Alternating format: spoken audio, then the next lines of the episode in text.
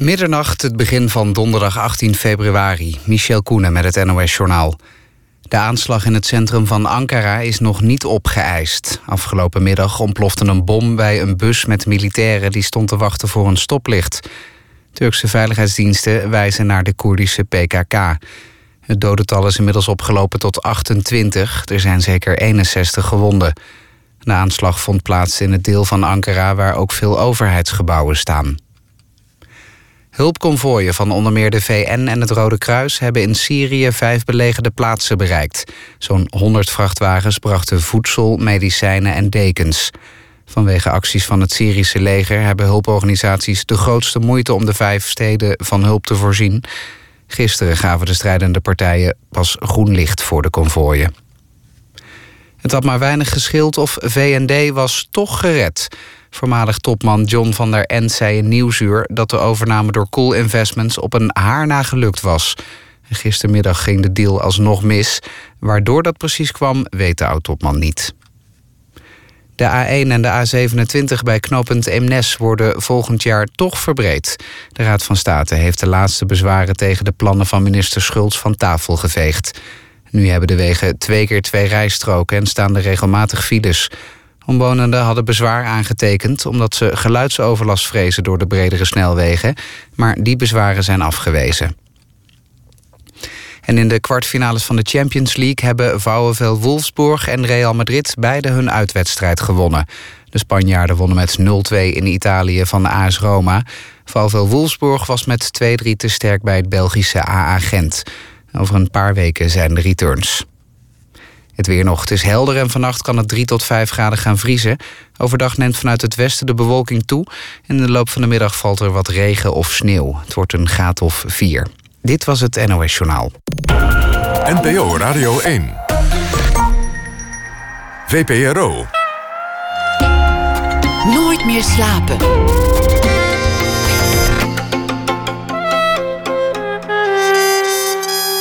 Met Pieter van der Wielen. Goedenacht en welkom bij het Nooit meer slapen. Het begin van 18 februari, de sterfdag van Luther en Michelangelo. We gaan het hebben over dictators en poëzie. Paul Dame die verzamelde de gedichten van beruchte despoten. Bloemen van het kwaad heet dat boek. Franka Treur komt op bezoek. Zij schreef een bundel ultrakorte verhalen, X en Y. En na ene zal zij in open kaart wat vragen beantwoorden. We beginnen met Kenneth Herdigijn. Amandla Mandela is de titel van een musical over Nelson Mandela. Zes jaar geleden speelde hij die rol ook al. Hij noemde toen al de belangrijkste rol die hij ooit zou spelen. Het gaat over het leven van een man die geboren als minderwaardige burger van Zuid-Afrika vanuit gevangenschap het lot van zijn land wist te veranderen en uiteindelijk zelfs president werd. Kenneth Herdegijn is geboren in 1959 in Suriname, speelde rollen in eh, heel veel televisieseries van Zeggen ze A en We zijn weer thuis tot Overspel en heel veel toneel. Deze maand alleen al was hij te zien in Juliana en in Othello in de uitvoering eh, van Brain Power, die de tekst van Shakespeare bewerkte en op rijm zette. Kenneth Herdegijn, welkom. Hé, hey, wat kondig je me leuk aan, man. Dank je wel. ja, vertel, over Mandela. Want, want je, uh, je zei in de tijd: dit is de belangrijkste rol die ik ooit zou spelen. Het geldt nog steeds. Dat geldt nog steeds. Waarom is dat? Uh, waarom is dat? Nou, kijk, je wordt gedragen in deze rol. Je wordt gedragen. Dus uh, het is eigenlijk, het heeft een aspect van Sinterklaas. Hè? Sinterklaas spelen. Ik heb op, op, de, op de school van mijn dochter heb ik uh, een paar jaar Sinterklaas gespeeld. En wat er gebeurt als je, als je dat pak aantrekt van Sinterklaas, dan heb je nog geen centimeter gespeeld. Dat jij die man bent die dan zo spreekt en zo. Je hoeft, je hoeft helemaal niks te doen. En iedereen in je omgeving maakt jou Sinterklaas. Maakt jou de goedheilig man. Bij Nelson Mandela gebeurt iets soortgelijks. Je omgeving de regisseur, om te beginnen, niet onbelangrijk, Koen van Dijk, die draagt je op handen. Hij draagt je met het licht, ook een Koen, Koen eh, van der Hoeven. Die, die, die, die heeft er uh, zes jaar geleden de, de uh, Musical Award mee gewonnen. Dat licht. Ik heb twee volgspots. Dus overal waar ik loop op het toneel word ik gevolgd door de volgspot. Dat is niet normaal. Zo'n rol heb ik nog nooit gespeeld. Uh, het geluid. Ik heb twee zenders. Twee zendermicrofoons. Dus als de ene stuk gaat, doet de andere het gewoon automatisch. Dat alleen al. Ik heb 32 collega's die allemaal acteren dat ik Nelson Mandela ben. Dus dan ben ik nog steeds geen centimeter begonnen met het spelen van Nelson Mandela. Je omgeving doet het voor je. Zo'n rol heb ik nog nooit gespeeld. Want Nelson Mandela is, is eigenlijk ook een beetje de soort van de goed heilig man. Al bij leven en welzijn was hij door de wereld heilig verklaard of, of groter dan het leven. Een, een legende die, die nog onder de mensen was. Ja, klopt. En als jij hem speelt, dan, dan, dan moet je dat ook een beetje waarmaken. Klopt. En dat begint natuurlijk bij een, een uh, goed script. Dus de schrijver van, van dit script heeft uh, gezocht naar, naar de andere kant ook van Nelson Mandela. Want het kan, niet, het kan niet zo zijn dat hij vlekkeloos als goed heilig man, als een soort Jezus. En zelfs Jezus had uh, van, die, van die trekken, toch? Vast wel, ja. Wat, wat weten we eigenlijk over Jezus? Ja, precies. Wat, wat, wat weten we nou echt? Wat in de Bijbel staat. Ja. En, en, wat in de Bijbel staat doet soms pijn. Doet soms pijn. En het leven van Nelson Mandela doet soms ook heel veel pijn. Heel veel pijn. In de repetities merken we dat. Dat je, dat je scènes uh, uh, speelt, repeteert, waardoor je een brok in je keel krijgt, waardoor je naar adem hapt, waardoor je niet verder kan praten omdat je zo geëmotioneerd raakt door de pijn en het verdriet wat zich in die scènes uh, aandient of afspeelt. Dus in het leven van, van die man. Ja, hij, hij, hij is geen heilig man. Nee. Het is, in zijn jonge jaren was het een, een driftige man, een, een boze man. Hij was ook uh, iemand die, hoewel hij zelf fan was van Gandhi, zelf toch voor het geweld koos. Hij, hij zei: als er iets veranderd moet worden, dan, dan moeten we dat niet vreedzaam doen, want het gaat gewoon niks uithalen. Dus, dus hij was ook voor uh, aanslagen bijvoorbeeld en, en voor, voor, voor, uh, voor geweld. Uiteindelijk Kortom, wel, ja. Uh, communistische sympathieën, daar, daar is hij altijd van verdacht geweest. En, en daar heeft hij ook in zijn jonge jaren ook wel uiting aangegeven. De Mandela die wij kennen, de, de, de rustige man, de kalme man... die altijd oproept tot vreedzaamheid en zachtaardigheid... Dat, dat is pas veel later gekomen. Dat is in ieder geval niet de jonge Mandela.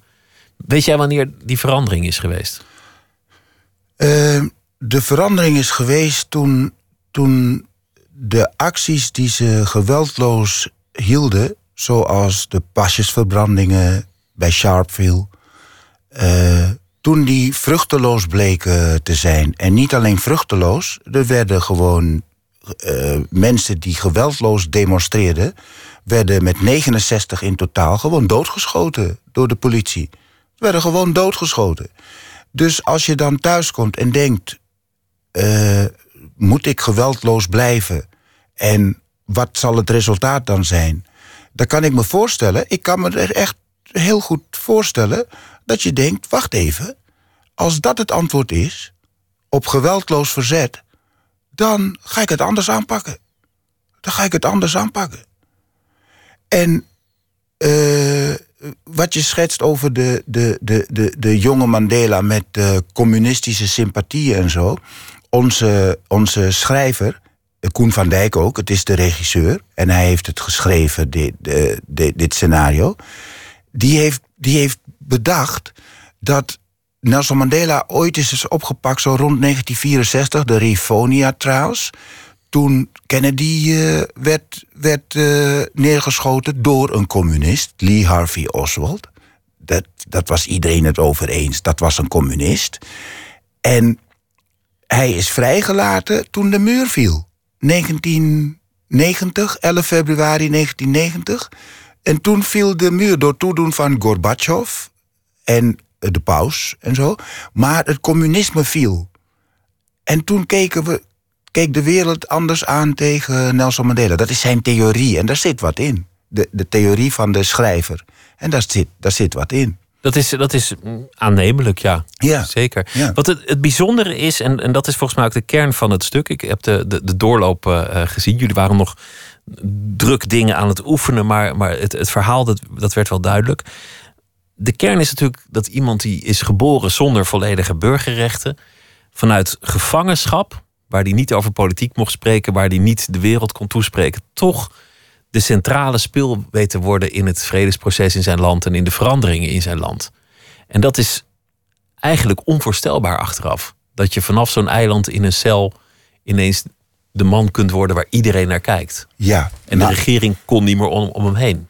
nou, de man was behept met een onvoorstelbaar eh, invoelingsvermogen, eh, empathie, eh, inlevingsvermogen in de ander.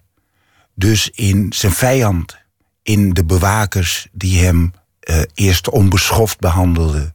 Maar hij, hij kon zich inleven in hun, in hun positie. En daarmee kon hij hun harten winnen. Hij kon zich inleven in de positie van de diverse presidenten van Zuid-Afrika. eh, waaronder eh, Frederik Willem de Klerk. Hij kon zich helemaal verplaatsen. Hij heeft namelijk ook Zuid-Afrikaans geleerd in de, in de gevangenis. Om de Zuid-Afrikaan beter te kunnen begrijpen. Eh, om zijn eh, onderhandelaars beter te kunnen begrijpen. Dat is natuurlijk Dus- een heel belangrijk psychologisch moment. Dat, dat toen de, de regering met hem ging praten over, over de voorwaarden van vrijlating. Dat hij hun taal bleek te spreken. Dat, dat hij ze in het Afrikaans kon aanspreken. En dat ze in hun eigen taal konden onderhandelen. En niet alleen dat. Hij kon ze, hij kon ze erop wijzen dat die, die, die boerenoorlogen in Zuid-Afrika... Die, die, die zijn nodig geweest voor de boeren om zich vrij te vechten... tegenover de Britse overheersing. Dat heeft hij ze eh, uitgelegd. Dat hij dat begreep. En waarom, waarom dan die boeren niet zouden begrijpen dat die zwarte man zich onder de blanke overheersing eh, wou eh, eh, uitvechten. Dat, dat heeft hij zo feilloos gezien. Nelson Mandela is een acteur als El Pacino, Robert De Niro, Pierre Bokma en wat zal ik zeggen, Morgan Freeman bij elkaar. En bij elkaar hebben ze niet zo'n groot inlevingsvermogen als Nelson Mandela. Echt waar. Echt waar. Het is indrukwekkend. Ze wilden hem al heel snel vrijlaten. Al, al in, in 1982 kreeg hij eh, aangeboden om, om, om het de cel te verlaten. Maar hij, hij, hij weigerde. Dat, dat, dat is een, een, een heel belangrijk moment in zijn leven, maar ook in het lot van Zuid-Afrika. Dat hij voorwaarden ging stellen aan zijn eigen vrijlating. Ja. Omdat ze, omdat ze hem. Ze, stelden hem aan hem voorwaarden. Namelijk dat hij het geweld af moest zweren. Hij moest het geweld afzweren tegenover een heel leger aan geweld. Moest hij zeggen: Ja, je mag mij doodschieten, maar ik zal jou nooit doodschieten. Voor mijn vrijheid. Voor mijn, voor mijn vrije stem. Dat, dat, dat kon niet voor Nelson Mandela, hè? Voor Nelson Mandela was dat niet in vragen. Hij zei: als je, als, Hoe kan ik vrij zijn als mijn volk niet vrij is? Hij realiseerde zich dat hij in een machtige onderhandelingspositie zat en dat hij die zou opgeven als hij zich zomaar uit die cel zou laten praten. En merkwaardig genoeg krijg je dan de situatie dat de regering hoopt dat iemand instemt met zijn eigen vrijlating. Ja, Dat is een hele rare situatie, maar dat is Ja. uiteindelijk in, in het voordeel van, van Mandela beslecht. Je hebt deze rol eerder gespeeld. Zes jaar geleden speelde je ook eh, eh, Mandela. Toen, heb, toen ben je heel ver gegaan in, in je voorbereiding. Je bent ook naar Zuid-Afrika toe geweest. En op een zeker ogenblik was je ongeveer een meter van, van Mandela verwijderd. ja. Hoe ging dat? Ja, dat, eh, dat, dat is ook te zien in die documentaire over Mandela. Eh, het was magisch, gewoon. Eh, ik, ik was er zo vol van. En opeens zat hij, was hij een, een meter van mij verwijderd. Hij zat in de auto, hoor. en de, en de, de, de ruiten waren dicht. Eh, maar toch was het een schok van opwinding. Hij zwaaide naar me. Hij zwaaide echt naar me. Ik zei, hey, Mr. Mandela. En hij zwaaide naar me gewoon zoals hij naar iedereen zou zwaaien. Maar het voelde echt alsof het voor mij persoonlijk was. Ja. Ik heb thuis bij hem, thuis in zijn, in zijn huiskamer gezeten. In zijn stoel heb ik gezeten. Ja, Is het moeilijk voor jou om te spelen? Want, want je zei, je bent een beetje de goed heiligman. En iedereen die kijkt naar je en je hebt eh, twee volgspots en, en alle blikken zijn op jou gericht, omdat die man zo'n legendarische status heeft. Is het moeilijk om hem te spelen? Ja, Ligt er veel druk op voor jou? Ja, ja. Het is heel erg moeilijk om te spelen, omdat A, iedereen heeft, een, heeft er een mening over. Dus ook mijn collega's, mijn lieve collega's waar ik mee speel, ik zie in hun ogen vanaf de eerste repetitiedag dat ze een oordeel hebben over hoe ik Nelson Mandela moet spelen. Zij hebben daar een mening over. En ik moet dus door al die meningen heen moet ik mijn weg zien te vinden.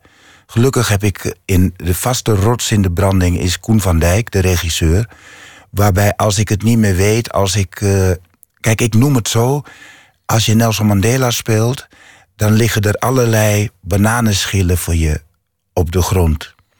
En voor je het weet, struikel je over een van die bananenschillen. En Wat voor steeds- bananenschillen zijn dat? Wat zijn de fouten die je kunt maken? Nou, ik heb, ik heb een voorbeeld van een hele lieve collega.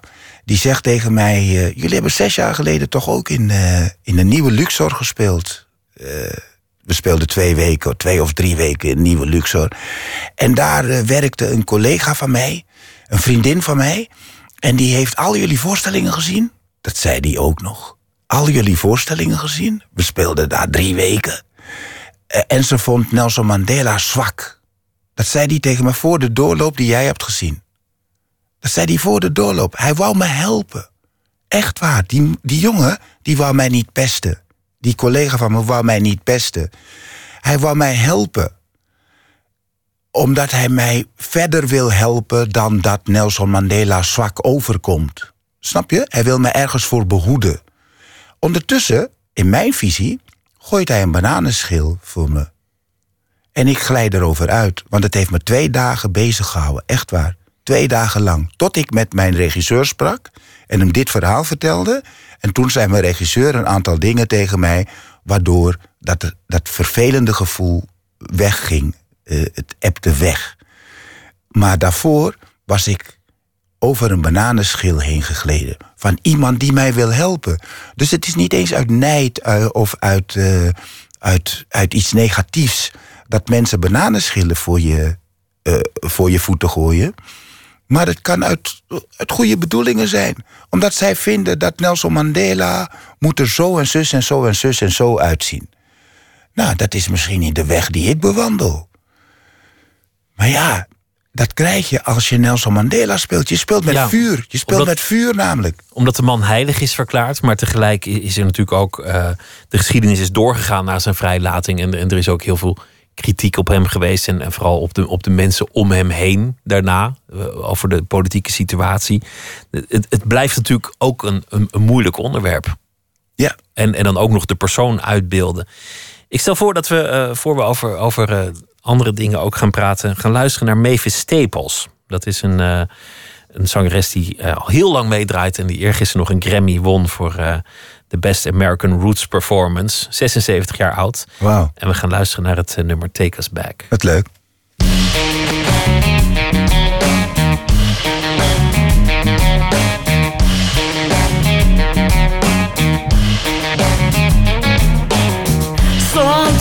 Life can get you in a hurry, but uh, I'm just gonna take it slow now.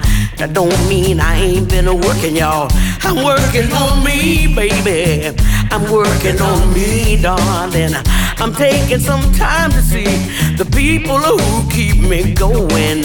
Sometimes folk can lead you down a bad line now. I'm not saying that I'm not judging now. I'm just gonna tell you what I tell them now. I got friends and I got, I got family. I got, I got help from all the people who love me. I got friends and I got, I got family. I got help from all the people who love me.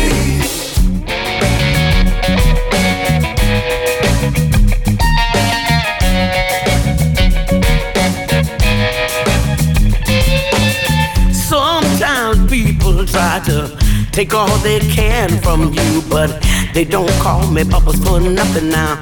If people ask my pops, he'll tell them that gets it from me, baby. She gets it from me, darling. Chicago wasn't always easy, but love made the windy city breezy. I got friends and I got, I got family. I got help from all the people who love me. I got friends and I got, I got family.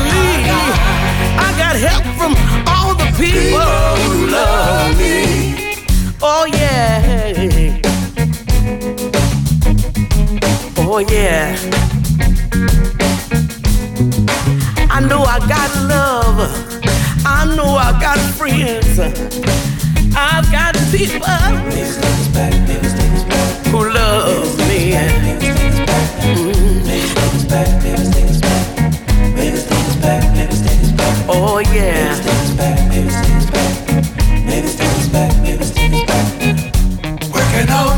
Baby, working on me, darling, working on me, baby, working on me. darling. Chicago wasn't always easy, but love made the windy city breezy. I got friends and I got, I got family. I got help from all the people who love me. I got friends and I got, I got family. I got help from all the people who love me. Oh yeah. Mm. Uh-huh.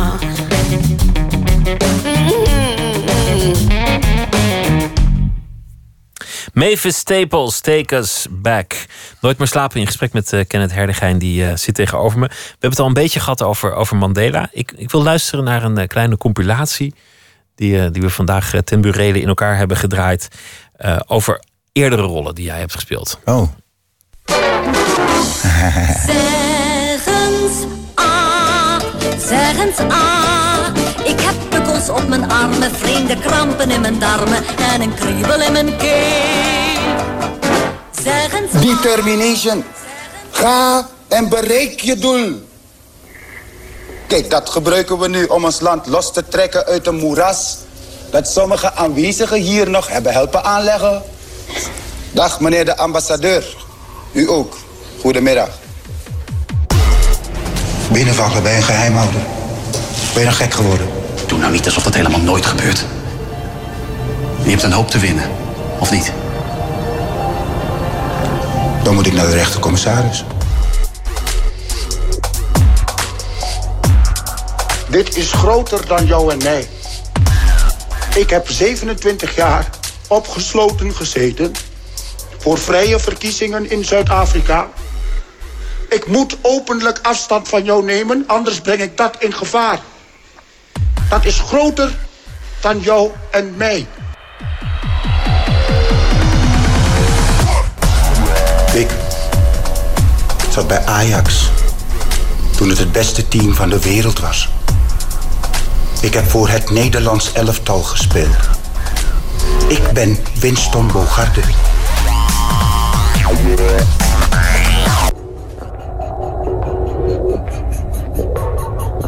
Jibbe Willems had dat geschreven. Ja, over Winston eh Bogarde. Heel veel, heel veel dingen heb je ge- gedaan. En, en deze maand alleen al zag ik je in eh Otello. In, de, in de, de jongere uitvoering die jullie hebben gemaakt. als een soort, soort rap Otello. Ik zag je in eh, de voorstelling van John Leerdam over Juliana. Het is allemaal, allemaal in 2016 pas. Je, je, je doet ontzettend veel. Heel veel verschillende dingen en, en ook al ontzettend lang. Je bent geboren in, eh, in Suriname, in, eh, in Paramaribo, als ik het goed heb. Ja.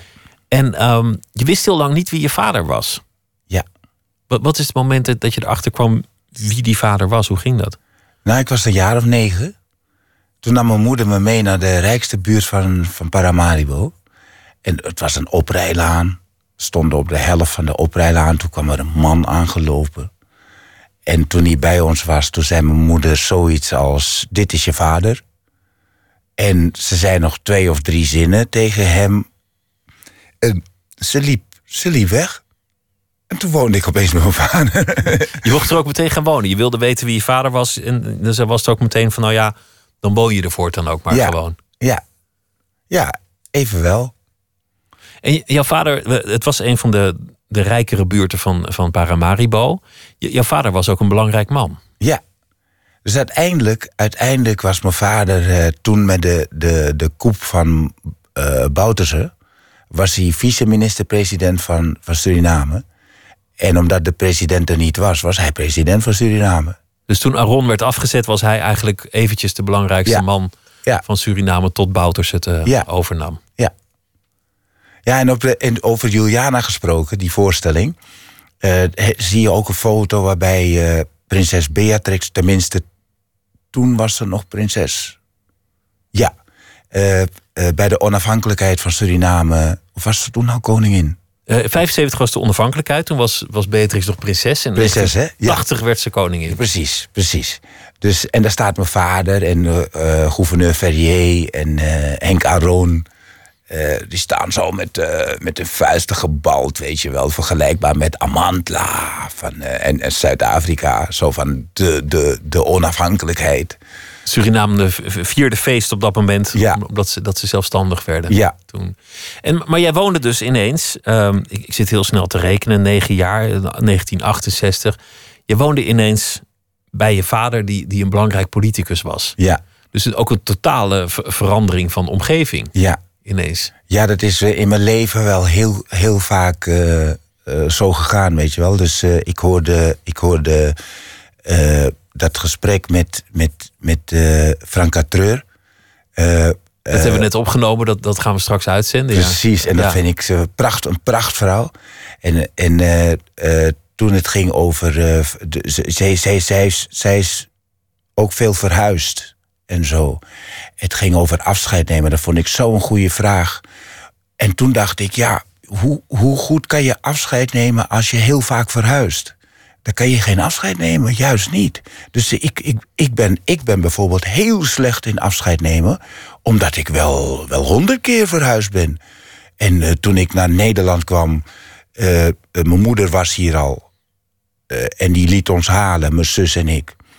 En ik, ik logeerde bij een tante, daar woonde ik al een jaar. En mijn tante die las de brieven voor die mijn moeder schreef. Werd gewoon gecensureerd door mijn tante. Want ze wou gewoon kijken of, of ik wel goede verhalen schreef naar mijn moeder. Dat denk ik achteraf. En, en ze, ze las echt waar, dat hoorde ik. Juni, 18 juni zouden wij vertrekken. Eh, of 18 juli zouden wij vertrekken. Dat las ze voor. 18 juli, juli. Maar toen werd het 17 juni. En toen zei mijn tante: Ik ga niet je koffer voor je inpakken. Toen dacht ik: Ja, maar koffer inpakken. Ik, over een maand vertrek ik. Hoezo koffer inpakken? Toen zei ze: Je gaat morgen weg. Je gaat niet eh, over een maand weg. En toen kon ik ook geen afscheid nemen van die mensen op school bij mij. Ik zat op de Mulo. Ik kon geen afscheid nemen van hun. Eh, snap je? Ik bedoel, als je veel verhuist, Dan- Dan is er geen tijd voor dan is er afscheid. geen tijd voor afscheid. Maar je bent, Vaak niet. Het zijn grote veranderingen. Als je, als je aan de ene kant van Paramaribo opgroeit, in die tijd zeker. En je bent ineens bij de, in, in de chique buurt terechtgekomen, in een heel ander gezin. En dan later in weer een heel andere situatie naar Nederland gekomen. Je hebt je vaak moeten aanpassen. Heel vaak. Heel vaak. En dat deed ik dan ook als een. eh, ja, ik zeg nu, eh mijn stopwoordje is als een slettenbak. Eh, maar toen ik negen was, deed ik dat ook. En ik bedoel, ik, ik heb niet anders geleerd dan me aanpassen. Toen ik in Nederland kwam, sprak ik drie weken later met, met die jongetjes waarmee ik voetbalde, sprak ik plat Amsterdams. Want ik sprak ze gewoon na. Je moest snel dat accent aannemen om erbij te kunnen horen. In plaats van de bal is uit, zei ik de bal is oud. Voelde je je meteen thuis in Nederland? Eh, ja. Ja.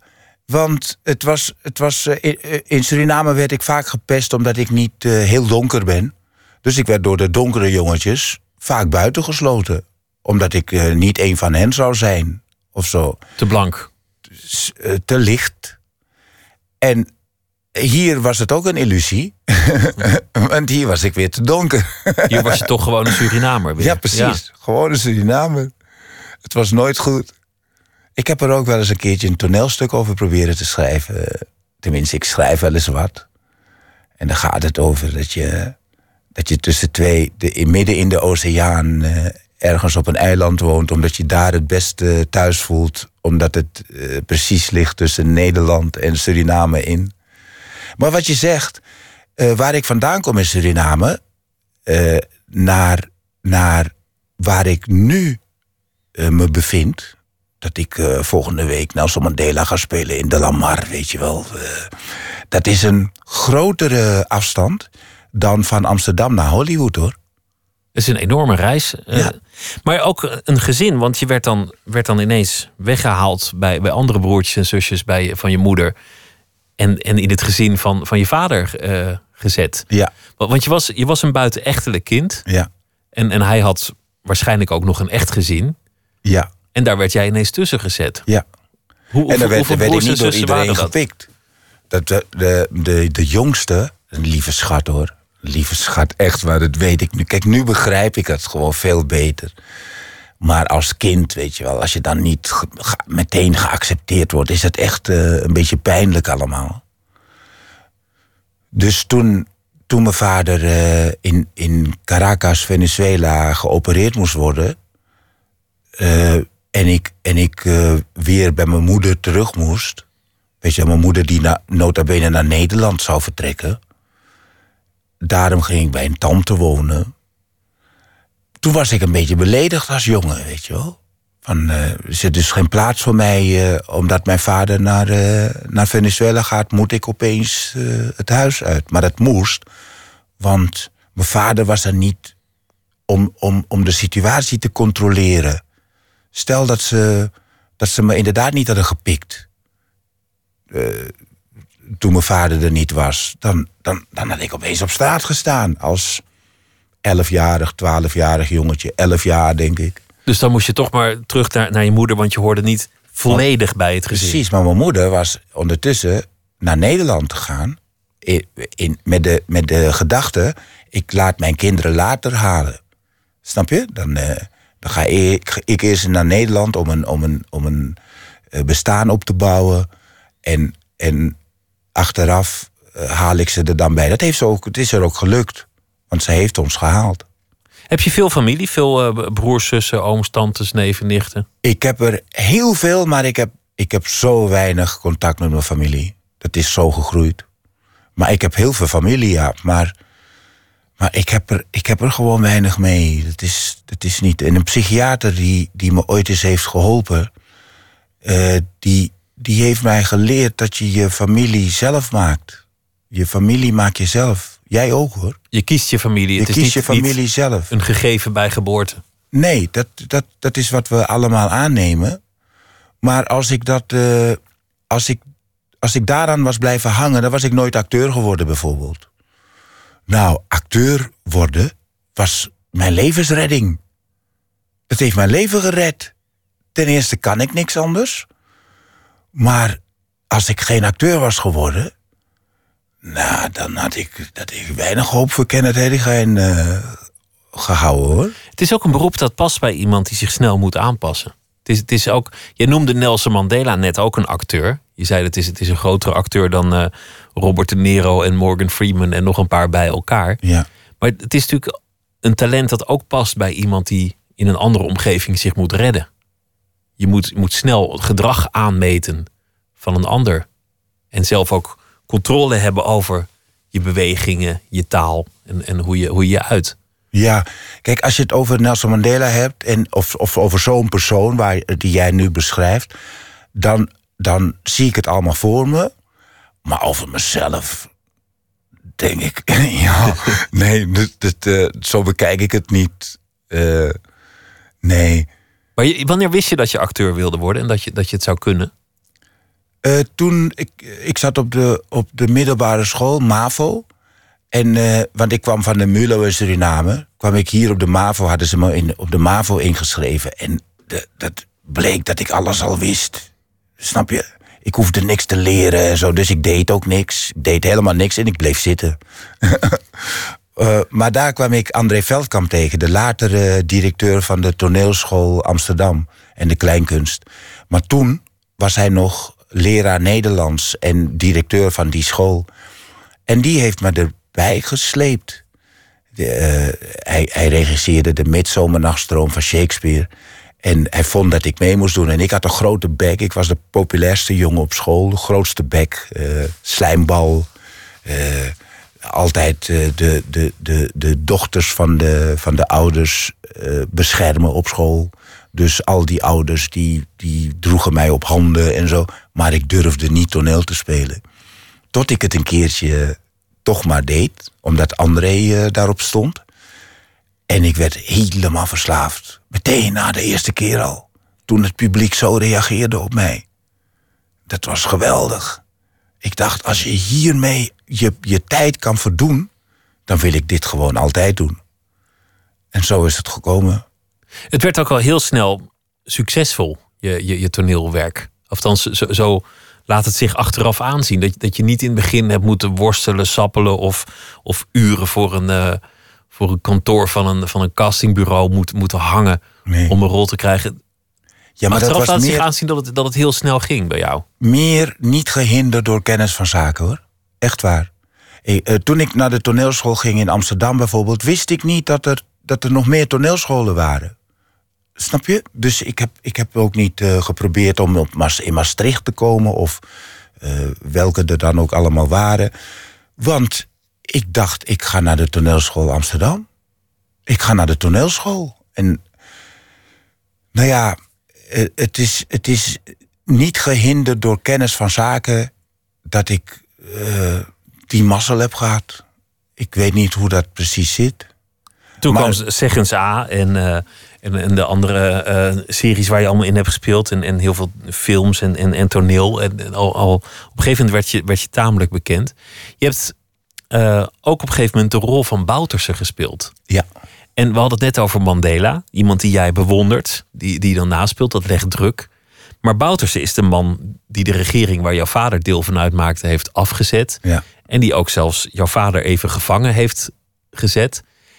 En die er waarschijnlijk ook wel iets mee te maken had dat, dat, dat jouw familie uiteindelijk dacht, nou ja, laat, laten we maar naar, naar Nederland gaan. Dat weet ik eigenlijk niet of dat ermee te maken had. Maar kortom, Nou, de naderende onafhankelijkheid eh, was wel een reden voor, voor mijn familie om, eh, om het land te ontvluchten. Omdat ze bang waren voor wat er zou gaan gebeuren. Toen, dat was nog lang voor Bouterse. Er zat Dat nog was- zeven jaar tussen. Maar, Precies. maar kortom, niet een man die jij bewondert. Hoe, hoe is het dan om die man te spelen? Heerlijk. Ja? Heerlijk, fantastisch. Heerlijk. Je kan namelijk eh, heerlijk ongenuanceerd zijn ook. Vol erin gaan. Dat is bij, bij Nelson Mandela uitgesloten. Daar loop je echt op een, op een koord. Maar dan 200 meter boven de grond. Bij Nelson Mandela. En bij, bij Bouterse is het anders. Dat is anders. Dat, eh, dan voel ik me ook als een vis in het water. ja, echt waar. Bij, bij Nelson Mandela denk ik, ik, ik kan niks. Ik kan niks. Ik wil ook niks. Maar vooral, ik kan niks. Ik heb geen idee hoe je Nelson Mandela moet spelen. En bij Bouterse weet ik hoe je Bouterse moet spelen. ja, als ik nu door Oost loop, hè, Amsterdam-Oost... dan zijn er nog steeds eh, junkies en, eh, en mensen uit de buurt die roepen... Hé, hey, Bouta! Zo noemen ze me in Amsterdam-Oost. En ik kan meteen een knopje omzetten en ik doe Bouterse. Dat ga ik nu niet doen, hoor. Maar ik kan een knopje omzetten en ik doe Bouterse. En bij Nelson Mandela is het totaal niet aan de hand. Dat is totaal niet aan de hand. Daar heb ik echt eh, totaal niet dat gevoel. Daar heb ik echt het gevoel dat ik... Wie ben ik dat ik überhaupt denk dat ik hem kan spelen? Dat heb ik bij Nelson Mandela. Zijn er rollen die je nooit zou spelen? Die je niet zou aannemen? Nee. Je zou alles doen, Ja. in principe. Ja, in principe wel. De schurk, de, de, de goeie, de, de Ja. kwade. Je hebt, je hebt wel altijd, zo lijkt het althans, gekozen voor rollen... die niet heel erg een Surinamer per se op het lijf ge- ge- Ja, geschreven zijn. dat heb ik bewust gedaan, ja. archetypische rollen. Ja, dat heb ik bewust gedaan. Ten eerste omdat ik arrogant was. Echt waar. Toen ik jong was, toen ik een jong acteur was, was ik arrogant. Ik dacht, als je, als je, als je mij niet wil, dan neem, je toch, dan neem je toch die tien andere negers. Dat zei ik ook wel eens tegen ze. Dan neem je toch die tien andere zwarte, als je die zoekt. Dat zei ik, echt waar. Dat zei ik tegen castingbureaus en zo. Nu zou ik het niet durven, hoor. ik zou het niet durven, maar toen kon ik me dat permitteren. Ik was een van de hele weinige eh, acteurs, zwarte acteurs, die ook meededen. Dus ik, ik zei, ik, daarom speel ik, kijk maar op mijn curriculum. Het, zijn allemaal advocaten, rechters, professors, eh, dokters, chirurgen. Want ik had de, de gedachte, de arrogante gedachte, om te, te, te hopen dat, dat jongetjes in de Bijlmer en gekleurde kinderen, eh, als ze mij zagen spelen, een dokter, dat ze zouden denken: dat wil ik ook, of dat kan ik ook. Als Kenneth Herrigein dat kan, dan kan ik dat ook. En dus Dat- niet, niet een inbreker of een, of een chageraar of een, of, of een junkie of wat dan ook. Nee, toen, toen eh, hield ik dat af. Ik hield dat gewoon af. En dan zei ik tegen ze: vraag maar die andere zwarte. Want ik doe dat niet. En ja, nu zou ik dat niet doen hoor. Echt niet. Want ten eerste omdat mijn idee van toneelspelen is gewoon veranderd. Het, het gaat minder bij mij over de buitenkant dan de binnenkant. Ik zoek het meer van binnen nu dan van buiten. Eh, je, je, je, je sprak me net aan over dat ik er veel voor had gedaan voor Nelson Mandela de eerste keer. Maar dat zou ik nu per se niet, niet per se hoeven doen. Eh, al die voorbereiding. Nee, want, want ik zou nu eerder van binnen beginnen. Het is ook gestimuleerd door de regisseur, die alle, alle buitenkanterigheid eraf haalt. En wat bedoel je met van, van binnen? Hoe, hoe, hoe ga je dan te werk? Want, want eerst bestudeer je iets en dan, dan kijk je naar, naar beeld en dan probeer Precies. je alles en dan te bestudeer je dat. Bestudeer je bijvoorbeeld documentaires van Nelson Mandela. En dan denk je, als Nelson Mandela Nederlands zou spreken. Stel dat hij Nederlands zou spreken. Dan zou dat misschien ergens uit zijn keel komen. Eh, Kijk, ga nu al raar doen. Ga nu al raar doen. Of als Nelson Mandela eh, eh, in de gevangenis heeft gezeten met, met kettingen aan zijn benen, dan loopt hij misschien zo. Nou, zo. Dat, dat zijn de. Dat is van buiten, buitenaf, van de uiterlijkheden hem benaderen. Maar je kan ook denken: wacht even. Eh, ik word vernederd. Ik word vernederd. Een bewaker die tegen mij zegt. eh, ik ga, die, die, die, die naar de wc moet, die zegt: Ik ga even Nelson Mandela op de, op de trein zetten. Terwijl die bedoelt dat hij moet gaan scheiden. Dat, dat wordt tegen je gezegd. Of, of eh, je, je vrouw wordt tot op het bot eh, beledigd. Omdat ze, omdat ze eh, ervan beschuldigd wordt dat ze een, een jongetje in elkaar heeft laten slaan. Of zelfs dood laten slaan. Of, ik bedoel, daar kan je gewoon in je kamer gaan zitten en je dat bedenken. Of zoals ik nu met je praat, dat bedenken. Dan kan ik ook Nelson Mandela worden. Vanuit het gevoel, vanuit, vanuit de ervaring. Ja. Vanuit, vanuit je innerlijk. Ja. We gaan luisteren naar ehm, een eh, zangeres met de naam Wafia. 22 jaar uit. Komt uit eh, Australië. Heeft nog niet een hele plaat uit, maar wel een paar liedjes uitgebracht. En een van die stukken die heet Heartburn.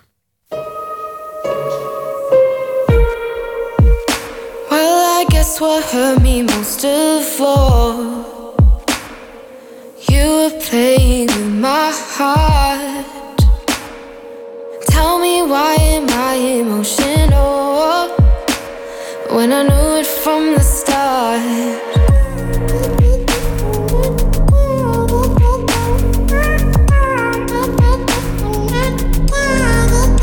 And tell me why does my heart burn when I see your face? You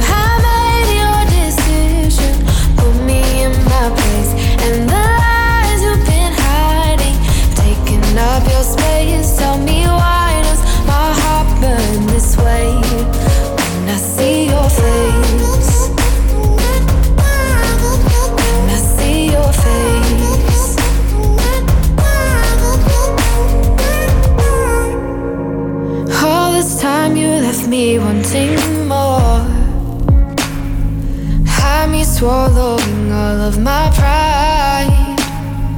Wonder where this part of you came from. It was hidden in the shallow of your eyes.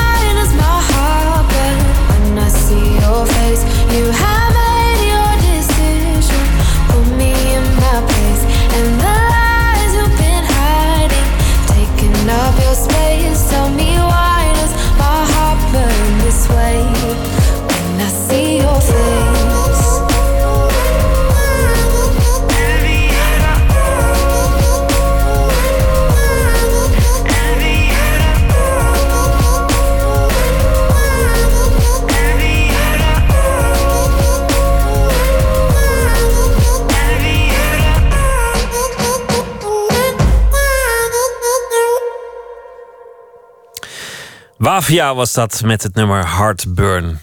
Kenneth Herdegijn zit eh, tegenover mij naar aanleiding van de voorstelling eh Amandla Mandela over, eh, over Nelson Mandela. Je zei net dat je op een andere manier bent gaan acteren, meer van binnenuit dan, dan van buitenaf. In, in de loop der jaren was je, was je een ontzettend fanatieke acteur. Je ging heel ver in je, in je voorbereiding. Niet alleen voor die Mandela-rol, maar ook voor andere rollen. Je was ontzettend perfectionistisch. Legde de lat onvoorstelbaar hoog voor jezelf. Vond het ook heel belangrijk. Getuige ook dat je niet zomaar eh, eh, een rol aannam als, als dat niet zou passen in, in het beeld dat jij wilde overbrengen van, van hoe het is om, om, een, om een acteur te zijn. Een soort waardigheid had je, had je daarin. Maar dat ging soms ook wel ten koste van jezelf. Je, je hebt ook wel echt ge- gevochten tegen jezelf en, en op de rand van een, van een burn-out gehangen. Je, je noemde al terloops een psychiater. Had, het daar iets mee te maken? Ja, ja, in een psychose terechtgekomen. Oh, dat wist ik niet eens. Ja, ik trad op met de Candy Dulver Band. eh, hoe heet ze ook alweer? Eh Funky Stuff. Eh, met Cyril. Cyril, eh, die was... eh, De drummer, Cyril- de drummer. Cyril Directie. Cyril Directie was de drummer. Dat weet ik nog. En we, zo- we zongen eh, Marvin Gaye nummers. En ik was ook uitgenodigd om zo'n nummer te zingen. What's going on? En dan ben ik aan het zingen. En opeens zie ik de, vol Paradiso, helemaal vol. En ik zie die mensen allemaal eh horentjes krijgen. Ik raakte gewoon in een psychose. Ik raakte in een psychose. Nou ja, in een fantastische psychiater, Wilco Tuinenbreier, is hoofd GGD nu van Nederland, geloof ik. Is echt een ambassadeur voor Nederland door de hele wereld. Werkt met, met eh, jeugd vooral. Hij wordt overal door de hele wereld gevraagd voor congressen. Nou, die man heeft mij op het, op het rechte pad. eh, maar ik dwaal af. Waarom kom ik. eh, Nou, ik vroeg naar, naar, naar die, die druk die je op jezelf legde. En, en dat, je, dat je daarmee jezelf echt tot, tot gekmakens toe Ja. eh, de, de lat bleef verhogen en daar naartoe wilde. Nou, weet je, ik geloof nog steeds dat je er wat voor moet doen. Ik, ik zie ook dat ik me ook veel heb aangesteld. De, de, om, om, om jou te spelen bijvoorbeeld. Hè? Hoef, eh, hoef ik niet, eh, eh, weet ik veel, allerlei toeren, buitenkanterige toeren te gaan uithalen. Nee, ik kan ook gewoon naar je kijken en me verplaatsen in, in zoals jij met jouw achtergrond in een situatie staat. Dat bedoel ik meer van binnenuit benaderen. V- eh, eh, maar ik geloof, ik blijf geloven dat ik er wat voor moet doen. Het blijft, voor de- het blijft werk. Maar er is ook een punt dat, dat, dat je te ver kunt gaan. Ja. Bijvoorbeeld als je, als je psychische gesteldheid eh, ontwricht raakt... omdat dat je zoveel druk op jezelf Ja. legt voor, voor die rollen... Dan, dan is er eigenlijk iets mis. Ja, dan is er zwaar iets mis. Ja, maar, maar er is ook wel iets mis met mij hoor. ja, want, want weet je, ik vind mezelf namelijk zo onbelangrijk als ik een rol speel. Als ik toneel speel of een rol, ik vind ik mezelf, mijn eigen persoontje, mijn ego, vind ik echt een poepen-ego. Eh, vind, ik, vind ik allemaal ballast. Alles wat ik meeneem is ballast. Me, me, naar alles wat ik meeneem. Mijn- mijn- mijn- mijn- mijn- Mijn mislukkingen, mijn successen. Je vroeg net aan, aan Franka, vroeg je... Wanneer nam je jezelf serieus? Omdat zij er zelf ook begon. Dat vond ik ook zo interessant. Toen dacht ik, ik, neem mezelf nooit serieus. Ik neem mezelf eigenlijk zeker niet als ik een rol speel. Dan, vind ik het echt zo onzinnig om mezelf serieus te nemen. En iedere keer als ik in de, in de clinch kom met een collega of met de rol of met de regisseur, wat blijkt? Ik neem mezelf te serieus. Ik neem mezelf te serieus. Ego is te groot. Poepen-ego is te groot. Dus, dus Is dat wat, wat, wat die psychie ook geleerd heeft? Van, van eh, stap over jezelf heen, relativeer jezelf? Is, is nou, dat die heeft me verworvenheid? meegeleerd van... hé, hey, kijk uit, want, want er is nog meer dan dat toneelspeel van jou. Het leven is groter dan dat. Ja, het leven is groter dan die rollen. En, eh, terwijl, maar het is nou eenmaal zo. Ik, ik voel dat ik leef het meest... Ja, tot ik, tot ik vader werd. Tot ik vader werd. Want nu leef ik als ik naar mijn dochter kijk, weet je wel. Ik hoef alleen maar in het gezicht te kijken. Elke ochtend als ze naar school gaat. En, en, en dat ik haar die kus geef en zo. Heeft dat zoveel veranderd? Ja, dat heeft heel veel veranderd, ja. Dat heeft Dat- heel veel veranderd. Anders was ik nu eh, misschien wel degelijk in een psychiatrische inrichting gekomen. Omdat je zo monomaan was, omdat je leven uiteindelijk volledig ging over, over, over je werk. alleen maar als ik op het toneel stond, dan, dan voelde ik dat ik leefde. En de rest, maar dat, ja, ik heb net een interview in de Telegraaf teruggelezen, daar zeg ik het ook. Hè. Dus, ja, ze heeft het opgeschreven, die vrouw Esther Kleuver heeft het opgeschreven. eh, dat ik mezelf een hol vat vind. Maar dat vind ik echt. Dat is triest. Maar ik vind mezelf gewoon een hol vat. En als ik eh, toneel mag spelen, als ik een rol mag spelen, dan, eh, dan leef ik helemaal op. Maar, maar als je. Kijk, nu zitten wij zo te praten, maar ik, ik, ik vind van mezelf dat ik geen bal te vertellen heb. Ik vind het echt ver- verschrikkelijk mooi dat jij met mij wil praten. En dat je gelooft dat ik, dat ik iets te vertellen heb. Maar eerlijk gezegd, als je het aan mij vraagt, ik heb geen reet te vertellen. Nooit niet. Ik vind, het, ik vind het wel bijzonder, omdat, omdat dat, ik ken ook acteurs, ik heb ze meegemaakt, die, die juist een ego zo groot als Lapland hebben. Ja. Komt ook voor. Nou, mijn ego zit mij vaak in de weg. Hoor. Laat daar geen misverstand over bestaan. Maar gelukkig kom ik er steeds sneller achter. Dat het niet tien minuten duurt voordat ik erachter kom dat mijn ego weer. Die poepen-ego weer. Maar Maar je hebt toch het- wel ambitie in je werk? Want, want er zijn toch wel rollen die je ooit wil spelen, podia die je ooit wil be- betreden. Het, het is een mooi vak. Het is toch ook, ook wel, wel mooi als je daar am- ambitie in hebt. En Nou, dat heb ik als, ik als ik die rol heb. Als ik hem heb. Zo Juliana bijvoorbeeld. Ik kreeg er geen cent voor. Dat is alom bekend. Want de, want de regisseur John Dedam zegt het altijd. Voordat we beginnen zegt hij tegen het publiek. En de mensen hebben belangeloos meegewerkt. Dan vind ik het altijd overdreven dat hij het zegt. Maar ik, ik zet me erin als, voor in alsof ik, eh, alsof ik een miljoen verdien. Dat, dat blijft zo. Die ambitie, die heb ik altijd. Die heb ik altijd. Maar, maar om mezelf nou zo serieus te gaan nemen... dat ik zou gaan geloven dat ik iets te vertellen heb, zeg. Waste of time. In je, in je werk, want, want ehm, je, hebt, je hebt ontzettend veel gedaan. In, in, in ontzettend veel dingen gedaan. Maar eigenlijk heb je volgens mij een stiekeme voorkeur voor, voor, voor, voor, voor hele grote, prachtige, prestigieuze, mooie producties. Eh, een Shakespeare in de Schouwburg heb je ook wel gedaan. Maar volgens mij zou je dat stiekem af en toe gewoon meer willen, toch? Ja. Ja. Zoals ik dat ik nu eh, eh, de rol van Nelson Mandela zo in, in zo'n mooi toneelstuk. Het is echt het mooiste waar ik ooit in heb gestaan. Amantla Mandela is het allermooiste waar ik ooit in heb gestaan. Nou, ik wil er nog wel tien van dit soort producties doen. Ja, natuurlijk, die ambitie heb ik wel. En als het, als het dan zou mogen in de Schouwburg bij Toneelgroep Amsterdam... bij het FC Barcelona van de toneelwereld... want dat vind ik, eh Toneelgroep Amsterdam... ja, Ajax is mijn clubje, hoor. Maar Barcelona is een maatje groter. En, en als ik daar eh, die Shakespeare mag spelen... ja, natuurlijk. Maar tot nu toe moet ik gewoon tevreden zijn... met dat ik Nelson Mandela mag spelen in Amantla Mandela. En dat kan, dat, dat kan wedijveren met het allermooiste... wat Toneelgroep Amsterdam ooit heeft gemaakt. Ja, dat durf Dat- ik te zeggen. Dat tegen, ja, dat komt ook nog wel een keer. Dat weet ik zeker. ja, dat gaat nog gebeuren. nou, Ivo van Hoven heeft andere gedachten over eh, eh, donkere mensen aan het toneel hoor. Die, eh, die veeg je niet zomaar uit. eh, die gedachten die Ivo van Hoven heeft. Nee hoor, ze kunnen niet om je heen uiteindelijk. uiteindelijk, dan, uiteindelijk moeten ze je vragen. Ehm, de, de, de voorstelling Amanda Mandela, jullie gaan er nu mee beginnen.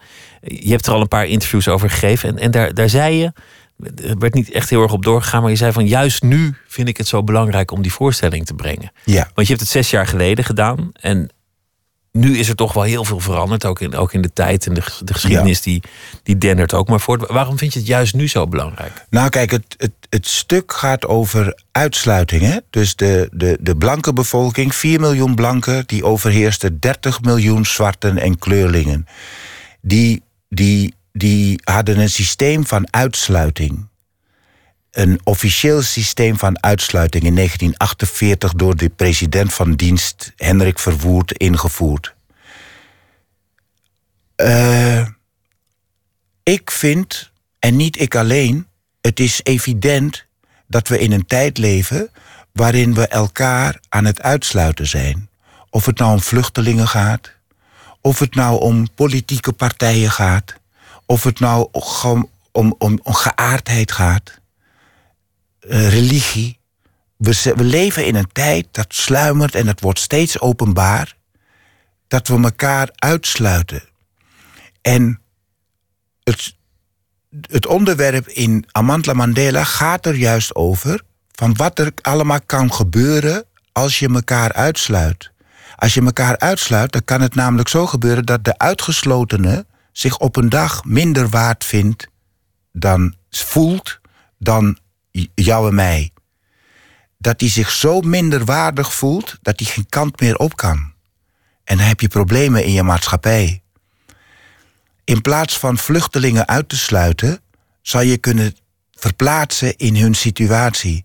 Als je je verplaatst in een situatie, dan zeg je nooit meer dat ze ondankbaar zijn omdat ze, omdat ze opkomen voor een beter leven in een AZC. Snap je wat ik bedoel? Ik noem het in die interviews omdat ik wil bijdragen aan dat we, dat we, dat we een alerter eh, eh, eh, alerter mening krijgen over, over vluchtelingen. Want de, de blanken in Zuid-Afrika waren ontzettend bang wat er met hun belangen, met, met hun land, met hun omgeving zou gebeuren wanneer ze die uitsluiting zouden opgeven. Die, die Ja. waren gewoon uiteindelijk bang voor hun eigen hachje. Ja. En, en daarom hebben ze heel lang vastgehouden aan een systeem dat uiteindelijk voor hen zelf ook ontzettend schadelijk is geweest. Ja. Ja, en dat sla je de spijker op de kop. En ik, ik denk dat we vandaag de dag ook bang zijn voor ons eigen hartje.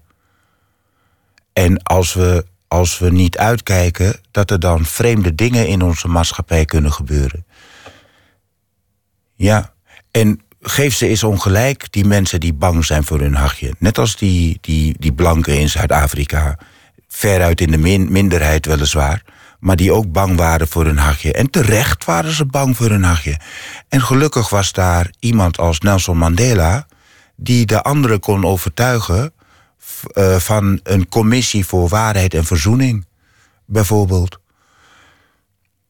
Nou ja, De voorstelling heet eh, Amandla Mandela en is eh, vanaf heden te zien in, eh, in alle theaters. Ik wens je ontzettend veel succes en, en ook, ook heel veel plezier natuurlijk. Hey, de tijd is omgevlogen en ontzettend bedankt dat jullie er aandacht aan hebben besteed.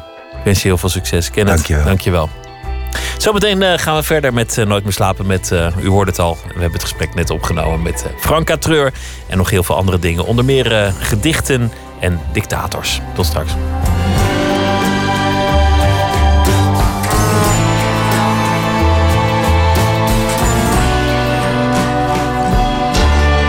Radio 1. Het nieuws van alle kanten.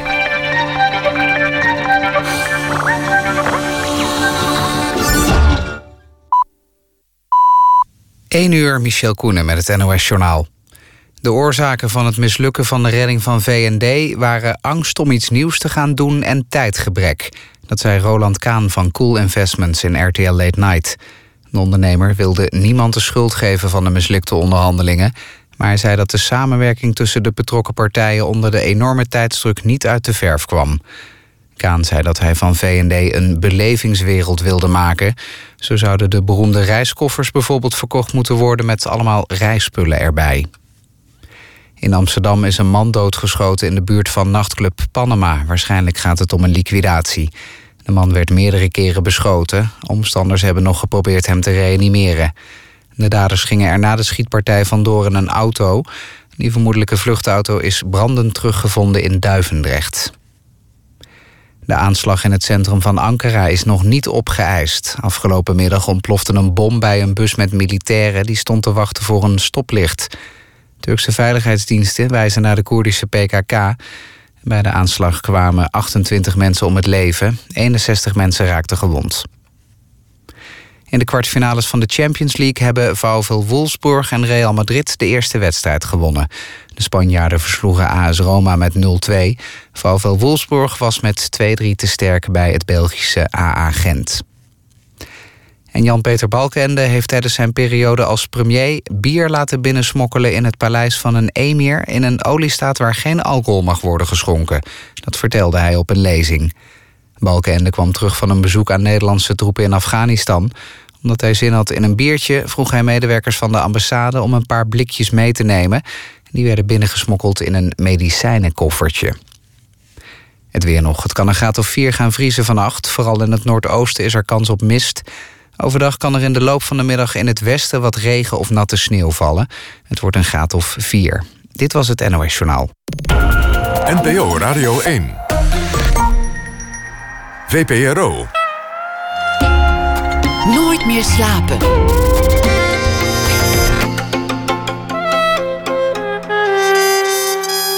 Met Pieter van der Wielen. Straks een gesprek met eh, Franka Treur. Die heeft een nieuwe bundel met korte verhalen die ook mooi geïllustreerd zijn. X en Y. En uh, zij zal uh, vragen trekken uit de bak met vragen in de rubriek Open Kaart. We hebben een, een reportage over de Vlaamse schrijfster Lise Spits. In de besprekingen van haar debuut Het Smelt vraagt iedereen zich af... hoe kan een op het oog zo zachtaardige jonge vrouw... zo'n genadeloos en donker boek schrijven? De mysterieën der literatuur. Katelijn Schilder is uh, schrijfster en uh, zij zal deze week elke nacht een verhaal voordragen. U kunt ons trouwens ook uh, podcasten en op andere momenten beluisteren. En dat is allemaal te doen via de site vpro.nl slash nooit meer slapen. Katelijn. Dag Pieter. Elke nacht een verhaal over de voorbije dag. Zo ook vandaag. Wat, wat was het voor dag? vandaag stond gek genoeg ineens in het teken van Ruud Lubbers. Ja. Hij was een tijdje weg, maar hij is weer terug. Vanwege de serie. Een, een mooie mooi dubbel interview met de journalisten van Wezel en Joustra in, in, de, in de krant over de, de roemruchte jaren tachtig. Ja, en dat, dat interview inderdaad bracht, daar zaten zoveel fijne, sappige details in, uh, dat die hele jaren tachtig weer terugkwamen. En ik ook ineens weer moest denken aan Ria Lubbers natuurlijk. Die hoort er onlosmakelijk uh, bij. En toen? Toen dacht je, ik ga een verhaal schrijven over Ria Lubbers. Ja. Wauw. nou, Ria die was toch wel eigenlijk de eerste first lady die gewoon openlijk durfde te mopperen over haar man, de minister-president. En ik, ik vond dat altijd heel erg leuk. En um, ik heb dat de vrouw van Balkenende nooit uh, horen doen eigenlijk. En uh, dat... Uh, het was, ze was heel eerlijk. En ik las ook in het interview in de Volkskrant... Dat het haar op een gegeven moment, volgens Max van Wezel, niet meer lukte om om hem een beetje uh, aan de grond te houden, die Ruud. Dat, het, uh, ja, dat hij te weinig sliep en dat hij uh, een beetje de verbinding met de realiteit een beetje kwijtraakte. Dus dat een beetje hij, over hij had de faxen ontdekt en hij stuurde faxen aan wereldleiders... waarin hij uitlegde hoe het verder moest met, ja. met planeet Aarde. Ja, hij, ja, hij, ging, hij ging een beetje te groot denken misschien voor een Hollandse minister-president. Ja, maar wil ik het toch voor Rutte opnemen? Het is ook wel goed. Ik bedoel, ik vind, ik vind dat Rutte dat ook moet doen. Je moet niet met een fax, maar je moet gewoon je, je plek opeisen op aarde. Ja, dat wel, dat wel. Maar als je op een gegeven moment niet meer slaapt... dan gaat er wel iets mis, denk ik. Vermoedelijk. Ik ben ja. benieuwd naar je verhaal over Ria. Ga je gang. Oké. Okay. Om kwart over vier gaat de wekker... maar meestal komt hij al, dan al geschoren en gedoucht uit de badkamer. Ria zet de wekker uit en probeert verder te slapen. Haar ogen prikken achter haar oogleden. Waar ligt mijn stropdas? vraagt Ruud. Die blauwe.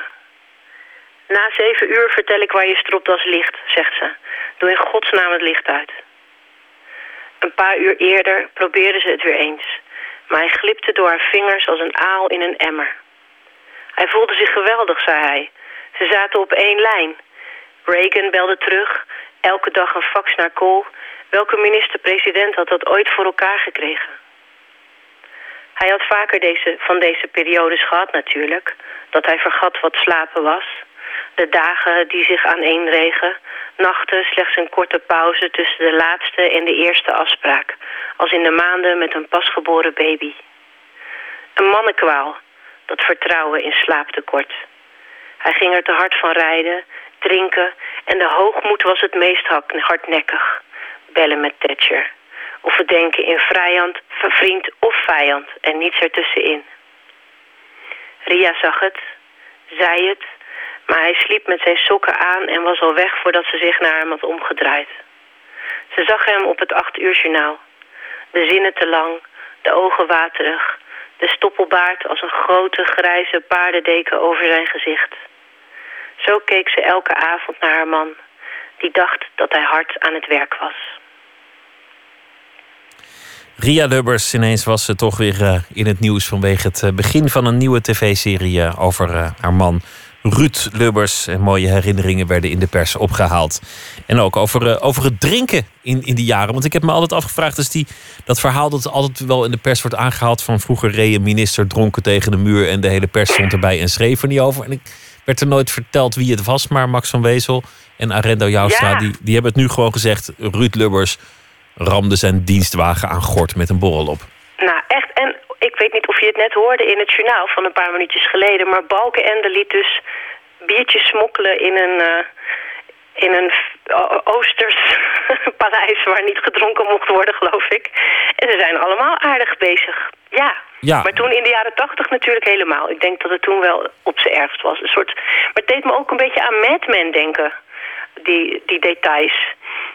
Over een, een bestuurlijke elite en, en dan die tv-serie. In het geval Ja. van Balken, en dan moet ik zeggen dat, dat toen ik dat hoorde, van, ja, mag natuurlijk niet, maar dacht ik van goh, dat pleit toch ook een beetje voor Balken. En Ja, hij werd dan in de tijd altijd zo als een brave, een brave Jonas gezien, maar dit deed hij toch maar mooi. Een paar biertjes in een medicijntas. Ja, zelfs dat is dan wel weer braaf eigenlijk. Het zijn geen hele fusten. Nee, ik had, ik had een mooie fles wijn binnengesmokkeld. Als je Ja. dan smokkelt, doe het met elan. Dankjewel voor het verhaal, Katelijn. En eh, wens je een eh goede nacht. Dank je. Tot morgen. In april, geloof het of geloof het niet, verschijnt een nieuw album van Graham Nash. Dat is eh, voor het eerst sinds lange tijd. 2002 was het de vorige keer. Hij toert wel met Crosby en Stills samen. Hij heeft ook zijn memoires geschreven. Hij is inmiddels gescheiden en daar gaat de nieuwe plaat grotendeels over. Eén liedje kunnen we vast laten horen. Graham Nash hier met Encore.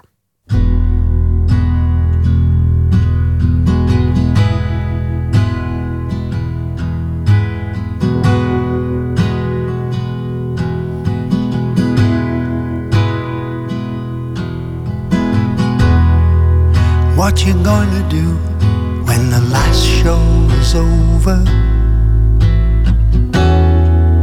What you gonna do when you can't touch base? And what you gonna do when the applause is all over?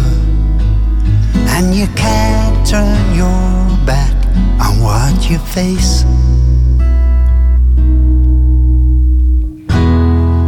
and who you're going to be when the lights are all fading,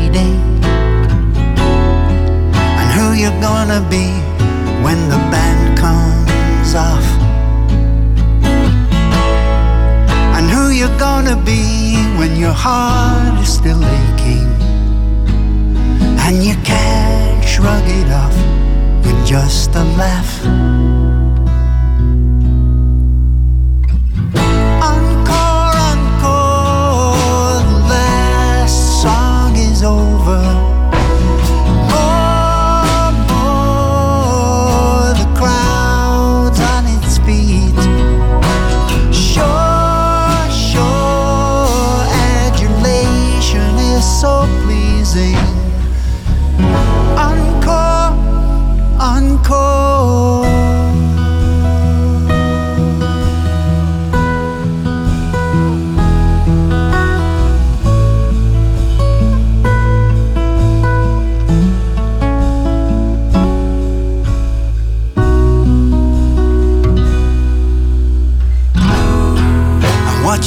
To say to the last person leaving?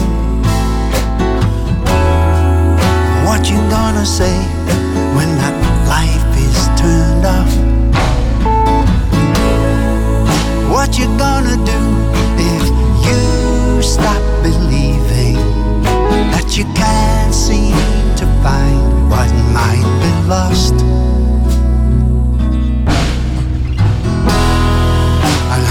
gonna feel if friends follow fortune? How you gonna feel?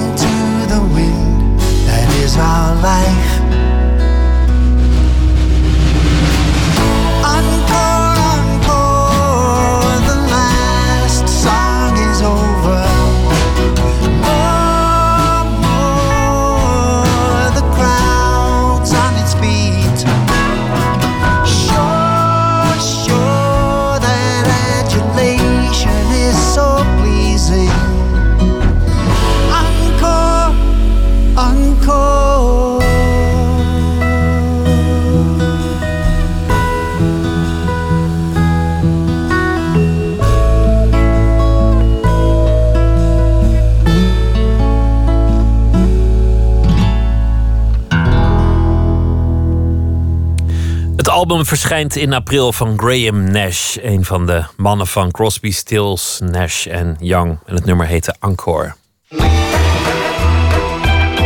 Nooit meer slapen. Literaire doorbraak en een zegentocht in Vlaanderen. Vijf sterren kreeg ze van de Standaard en van de Knak. Lise Spit voor haar debuut. Het smelt een duister boek dat zich afspeelt op het eh, platteland van Vlaanderen. Een dorp in de Kempen, om precies te zijn. Ze schreef al wat korte verhalen, maar dit is dan de eerste roman van Lise Spit. En de reacties op het boek, daar klinkt ook wel verwondering in door. Want hoe kan een jonge vrouw van nog maar 27 jaar zo'n boek schrijven? Matthijs Deen die zocht daarop.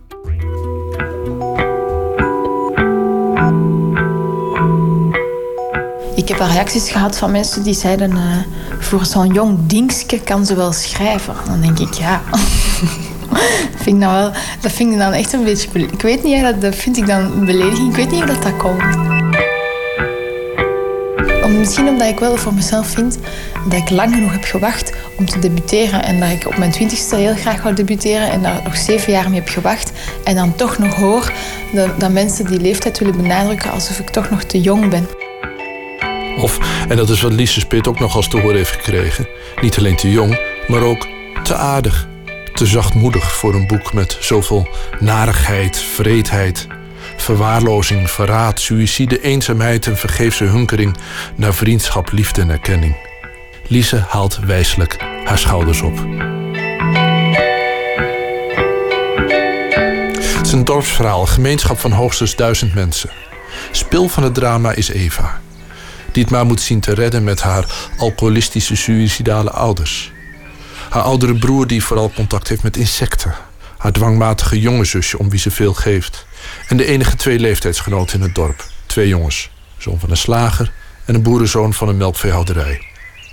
De meisjes van het dorp moeten haar niet. Voor de jongens is ze het derde wiel aan de wagen. Ik denk bij mezelf soms ook wel van, allee Lisa, schrijf eens een keer gewoon over geluk. Waarom altijd zo aangetrokken zijn tot de droevige kant of de donkere kant? Dat is heel gek, maar ik vind dat zelf interessanter. Want op het boek zelf staat genadeloos maar liefdevol. Dus ik probeer ook wel altijd dat erbij te benadrukken dat ik wel voor mijn, voor mijn personages ook wel mijn liefde, heb, mijn liefde daarover heb geschreven, maar wel op een genadeloze manier. En misschien ook wel omdat ik gewoon mijn personages weinig geef om zich aan vast te klampen. Het dorp waar Elise opgroeide, het Viersel heet, 20 kilometer paloost van Antwerpen ligt, lijkt op het dorp uit het boek, maar ook weer niet. Ook de romanpersonages hebben iets weg van de dorpelingen, maar vallen er absoluut niet mee samen. Waarom zouden we eigenlijk zo niet mogen schrijven over iets wat je voorhanden hebt? Ik denk ook, ik wist al heel jong dat ik wou schrijven. Ik ben heel lang op jonge leeftijd beginnen met verzamelen, met, met anekdotes en dingen in dat dorp en met personages beginnen maken. En op een bepaald punt dacht ik, het zou toch zonde zijn als ik dat nu niet zou kunnen gebruiken, gewoon omdat ik bang zou hebben dat lezers achteraf de fictie niet van de realiteit zouden kunnen scheiden. Dan is in feite het dorp niet zozeer iets waar je mee afrekent, als wel jouw anker. Ja, dat is het. Ja, Is het dan zo dat je door dit geschreven te hebben, dat je een, ergens een weg hebt vrijgemaakt? ik voel me nu wel een soort van, nu kan ik eender doen wat ik... Nu kan ik alles schrijven wat ik wil, maar dat kon ik hiervoor niet, want ik moest eerst dit opschrijven. Dus ik denk dat het een afrekening is... Ja, het is sowieso een afrekening met mezelf wel, denk ik. En ook met bepaalde mensen, natuurlijk wel. Eh, maar Je zei dat je er ook zo trots op bent. En, en dat het ook een statement is. Kijk, dit is een dik boek en het is klaar. Ja. Maar die personages, die maken nooit wat af. Hè?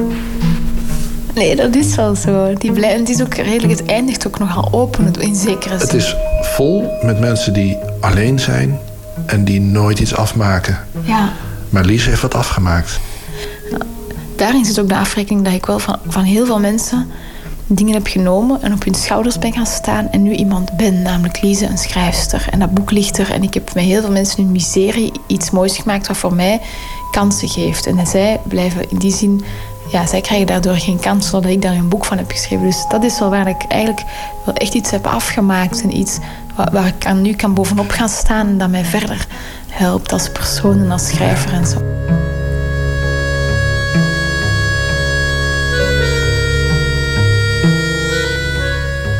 Door heel Lises boek zijn een paar verhaallijnen rond haar romanpersonage Eva gespannen, die, naarmate het verhaal vordert, steeds meer met elkaar verknoopt raken. Taferelen om en rond het huis met ouders, broer en zusje. Een zomervakantie met haar twee vrienden in het dorp. Een doodlopende vriendschap met een ouder meisje dat in het dorp komt wonen. De dood van de enige jongen waarvan ze vermoedt, maar nooit zeker weet dat hij haar leuk vond. En Eva, inmiddels volwassen en in Brussel, die met een groot blok ijs in haar auto terugrijdt naar het dorp om wraak te nemen. Het zijn, vooral voor wie in een dorp is opgegroeid, zeer herkenbare emoties. Een worsteling om van een kleine gemeenschap los te komen, zelf iemand te worden. Niets dat in een hecht dorp gebeurt is immers zonder betekenis en niets gaat ook ooit verloren en iedereen is medeplichtig. De levens zijn verknoopt als in mislukt spel elastieken. Het dorp reist met je mee, waarheen je ook vertrekt. Ik heb dat vaak als ik vertrek in Brussel naar een feestje of zo nog altijd het instinct heb om te denken: wie is er dood gegaan? Wie heeft er wie bedrogen? Wie is er bevallen ondertussen? Alsof, ik dat dan, alsof je dat nodig hebt om, om, om ergens anders te mogen toekomen. Een goede, een goede verhaal over een ander. En in het boek heb ik, is dat ook zo'n belangrijke zin van om in die dorp iemand noemenswaardig te worden, moet je iets noemenswaardig over een ander te vertellen Mhm. hebben. En zo was dat ook wel. Heel, dat is in het dorp echt zo. Ja, je moet deelnemen. Ja, en, en, en ja, mens- mensen, je leeft ook wel minder dicht op elkaar dan in de stad, maar je bent met minder, dus het is overzichtelijker en je kent ook gewoon iedereen. In, in dat overzicht zit een, zit een grote controle en dat is heel veilig, want je weet echt, als er een auto de straat in kwam gereden, dan weet ik van wie dat die auto was. En als er een ambulance in dorp kwam gereden, dan gingen we allemaal kijken, wat, wat, wat is er gaande? Wat is er gebeurd? Terwijl je eigenlijk goed genoeg weet dat er achter elke gevel dingen gebeuren die eigenlijk niemand mag weten. Ik weet nog dat ik altijd ervan geloofde toen ik in Viersel woonde, dat er mij nooit iets slechts zou overkomen. Of. Je woont in een dorp en je denkt, ja, wij wonen hier veilig. En er gebeurde af en toe eens iets. Er sprong, er sprong, mijn buurvrouw is in het kanaal gesprongen bijvoorbeeld. En ik vond dat toen zo waanzinnig, omdat ik dacht, dat kan niet. Je maakt jezelf wijs dat je daar veilig bent, dat er niks kan overkomen in zekere zin. Ja, maar ik bedenk me nou dat als er iets gebeurt, dan, dan kan je, moet je het jezelf ook aantrekken. Dat wil zeggen dat je eigenlijk. Ja, heel hard. Ik, was van zo, ik was echt ondersteboven van de dingen die er gebeurden. Heel ja, ik vaak. weet nu nog een jongen bij mij in het dorp die is dood, doodgereden op een fiets. Ik, ik zie hem nog voor me. Ja, bij ons is ja, er, gebeurt, er gebeuren altijd tragische dingen. Eén, er waren, maar in een dorp is dat inderdaad, is dat dorp geraakt. Zoals ook in het boek hebt dan die, die boerenzoon die verdrinkt een hele dorp. Alsof je op duizend, eh, dat is gewoon overzichtelijk, je hebt duizend inwoners, één daarvan wordt omvergereden of verdrinkt of weet ik veel. En anderen denken, oef, maar die persoon heeft in de steekproef, want pak dat er één op de honderd mensen of één op de duizend mensen op tien jaar in, weet ik veel, zal zelfmoord plegen, zal worden omvergereden, dan denk je, oké, die heeft zich opgeofferd voor onze gemeenschap. Zo voelt dat. Ik, ik weet nog dat ik dacht, oké, er is nu iemand vermoord, dus er is ook bijvoorbeeld is iemand vermoord in ons dorp, eh, terwijl ze ging gaan joggen aan het kanaal. En dan dacht ik, oké, dit, dit kan nu wel echt de komende tien jaar gewoon niet meer gebeuren. Nu kan ik aan het kanaal gaan, dat gaat niet meer. Het is wel echt genoeg geweest voor tien jaar nu.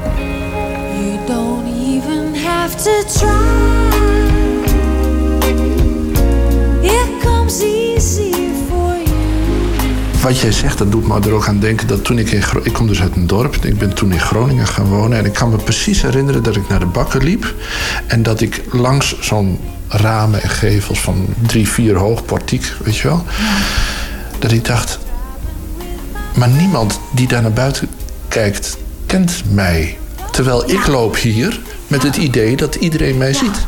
Ja, dat is, dat is wel. Maar dat is, Dat is gek, hè? Inderdaad, in een dop is dat zo... Dat is zo... Ja, dat heeft altijd twee kanten natuurlijk. Hè. Je- Het is ook moet- geborgen. Ja, het is heel geborgen. Iedereen weet wie je bent. En, en je wordt wel gezien, ook continu. Hè, want je kunt niks doen zonder dat mensen weten wat je aan het doen bent. Het is ook omdat ze je kennen dat ze weten wat je doet. Anders blijft dat niet plakken in je geheugen. Dus omdat iedereen elkaar kent, blijft alles plakken. En kun je niks doen zonder dat je een spoor achterlaat. In een stad zet je daarin eigenlijk vrijer, maar ook wel eenzamer op een bepaalde manier. Want Ja, ik wordt- weet nog dat ik, dat ik op een gegeven moment heb gespijbeld van zondagschool. Maar dan kon ik niet door het dorp lopen. Ja, Want iedereen zag me. ja dat is, dat is Terwijl in de stad was, was er geen probleem. Ja, dat, nee, ja. Want daarom, daarom is dat ook zo. En dat is ook mooi, wat mooi is aan een dorp, dat je een soort van... Er ontstaat daardoor ook zo'n moraliteit. Dat is- iedereen is zo... Iedereen is stiept in een dorp. Ik moest in een stad heel hard aanpassen dat mensen daar veel vaak te laat komen. Dat een belofte geen belofte is heel vaak. Zoals in het dorp, ja, ik, ik gaf een boekpresentatie ook in het dorp, om- omdat ik er eentje in Brussel had doen en eentje in, in het dorp. En al die mensen kwamen en die kochten ook heel veel boeken, omdat die gewoon daarin zo trouw zijn.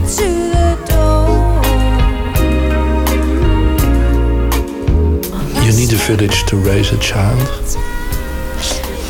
Ja, ik vind dat zelf,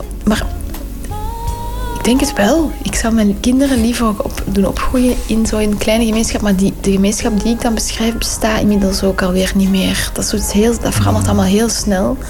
In de stad verandert dat misschien iets minder, of is dat minder de vinger op te leggen wat er verandert. Maar nu in het dorp is dat echt niet meer zoals het was toen ik daar opgroeide. Wij waren wel echt nog meer aangewezen op straat en op de verveling en op elkaar. Nu jongeren zijn veel meer individueel en veel meer ook achter hun schermen gekropen. Bij ons Ja. was dat niet zo. Windows 95. Ja, Windows 5. Ja, was- we gingen echt bij elkaar. Op, als, er, als er wel iets was, gingen wij op woensdagnamiddag bij elkaar Mijnenveger en Passion spelen. En dan Mm. keken we hoe dat anders speelde. Hmm. Dat is echt nog anders dan nu hoor. En dat muziekje van... Good times, bad times. Ja. Want wij hadden dus thuis ook heel lang geen televisie. En voor ons was dat ook echt dat die clipjes. Ik heb die zo vaak gezien. Ook van Weezer. ehm, Liedjes waar niks aan de hand was. Eigenlijk was alles goed, hè? ja. Ja, maar ik, ja, ja, het is waar. Ja.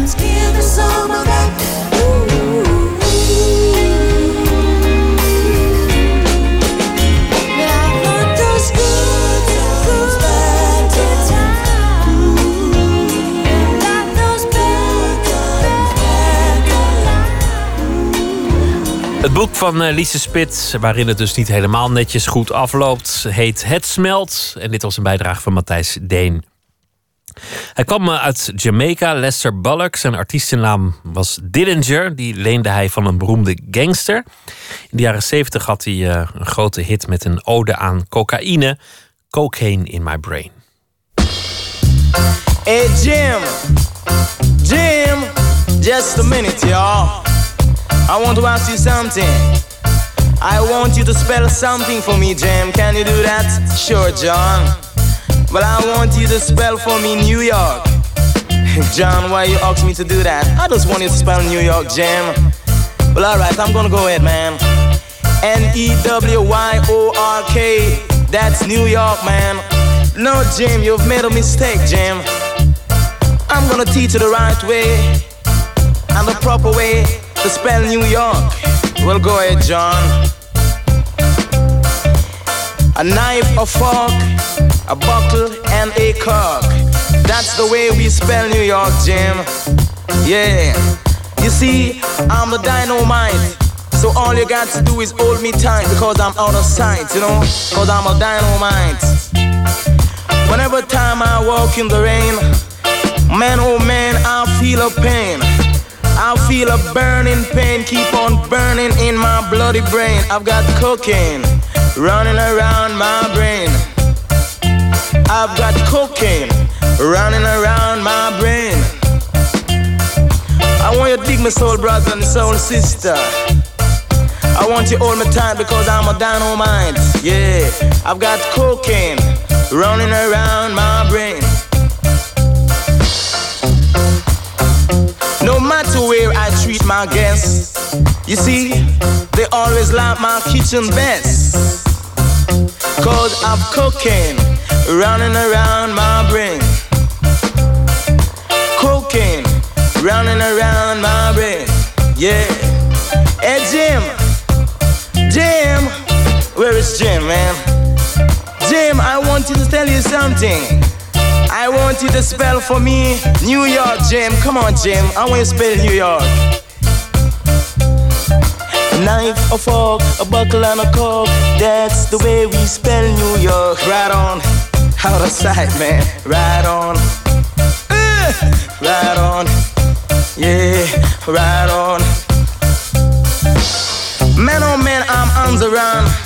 I've got to read the setting sun, cause I've got cocaine. A whole, a lot of cocaine, man, running around my brain.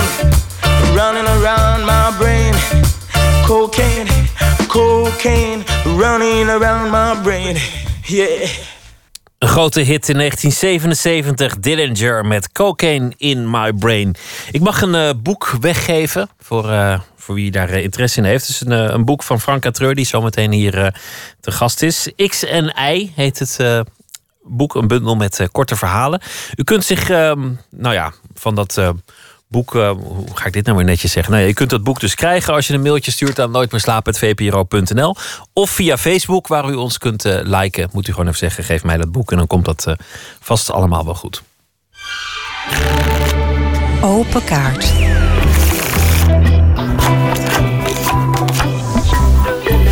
...150 kaarten met op elk een andere vraag. En de gast trekt zelf een kaart. En dan moet de vraag ook beantwoord worden. Dat is uh, de opzet. Je zult nog versteld staan hoe vaak je dezelfde vraag tegenkomt.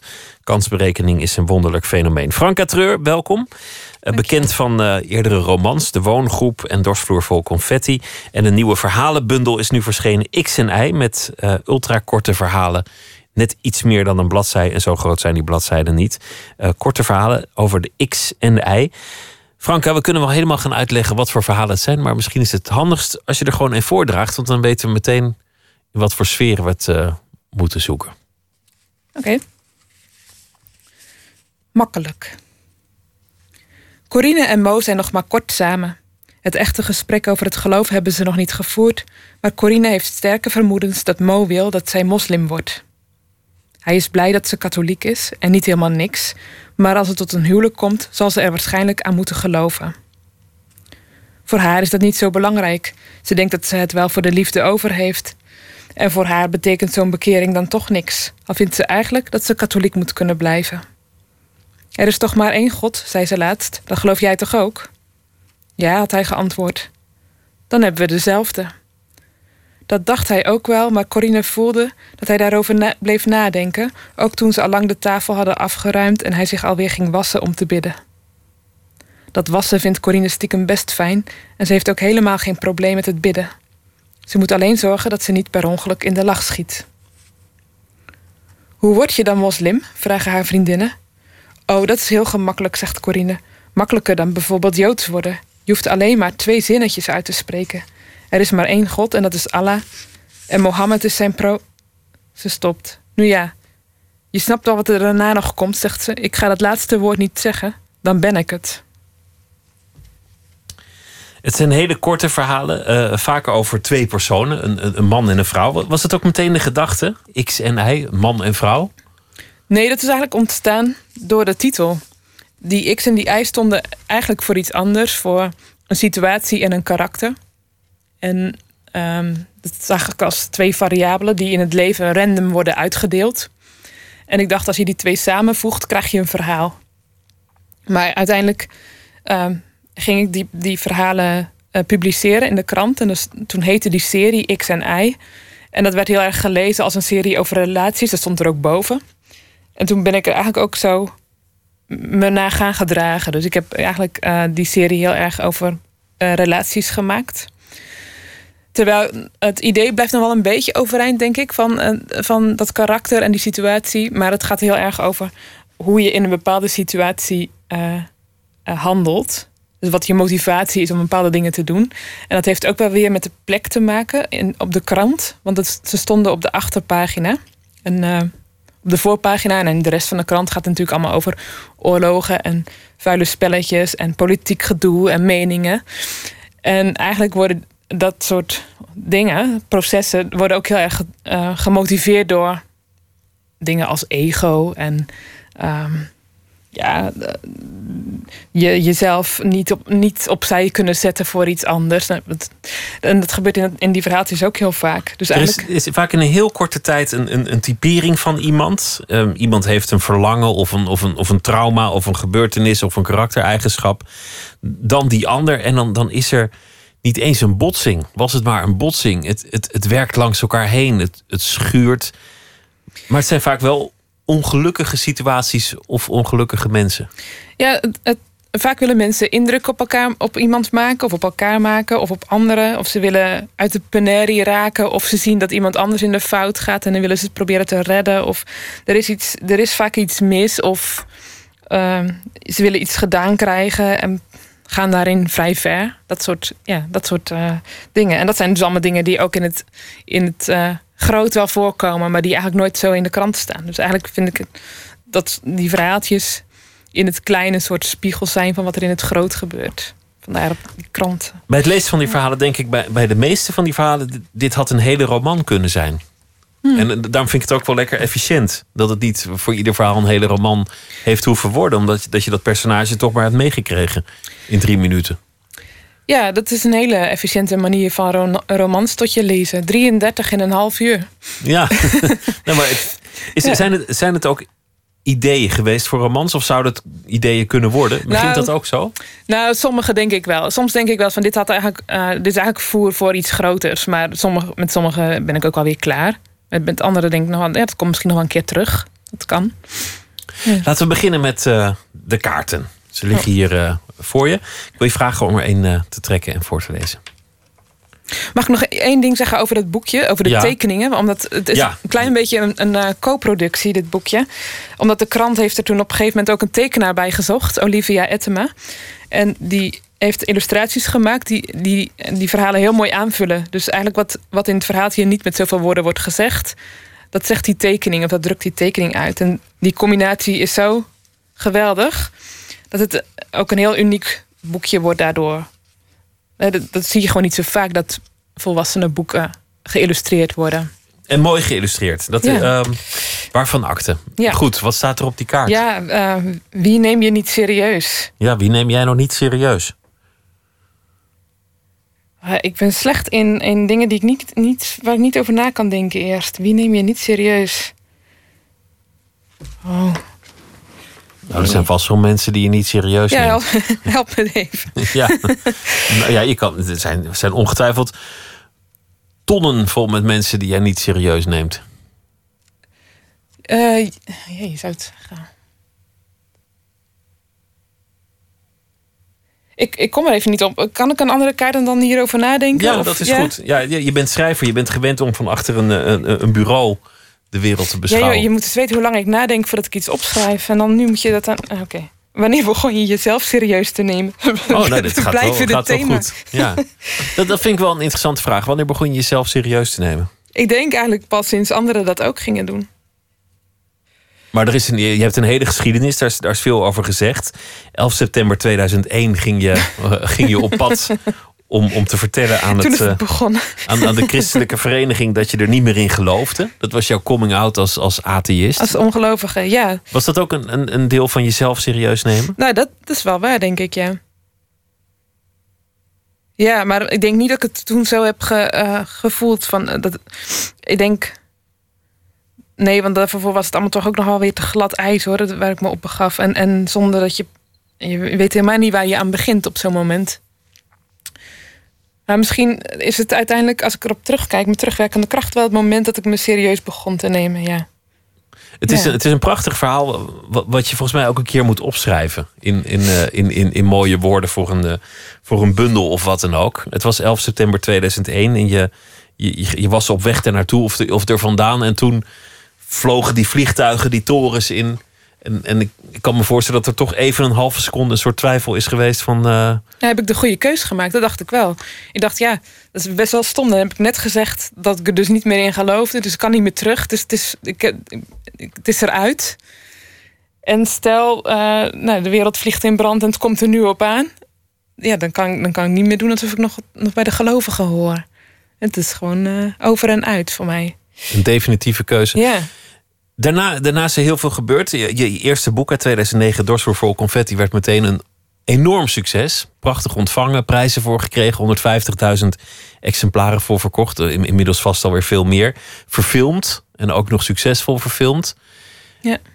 Dat, dan gaan anderen je serieus nemen. Jij zei eigenlijk van, ik ging mezelf pas serieus nemen toen anderen dat deden. Ja, Doelde je daarop? Ja, eigenlijk wel.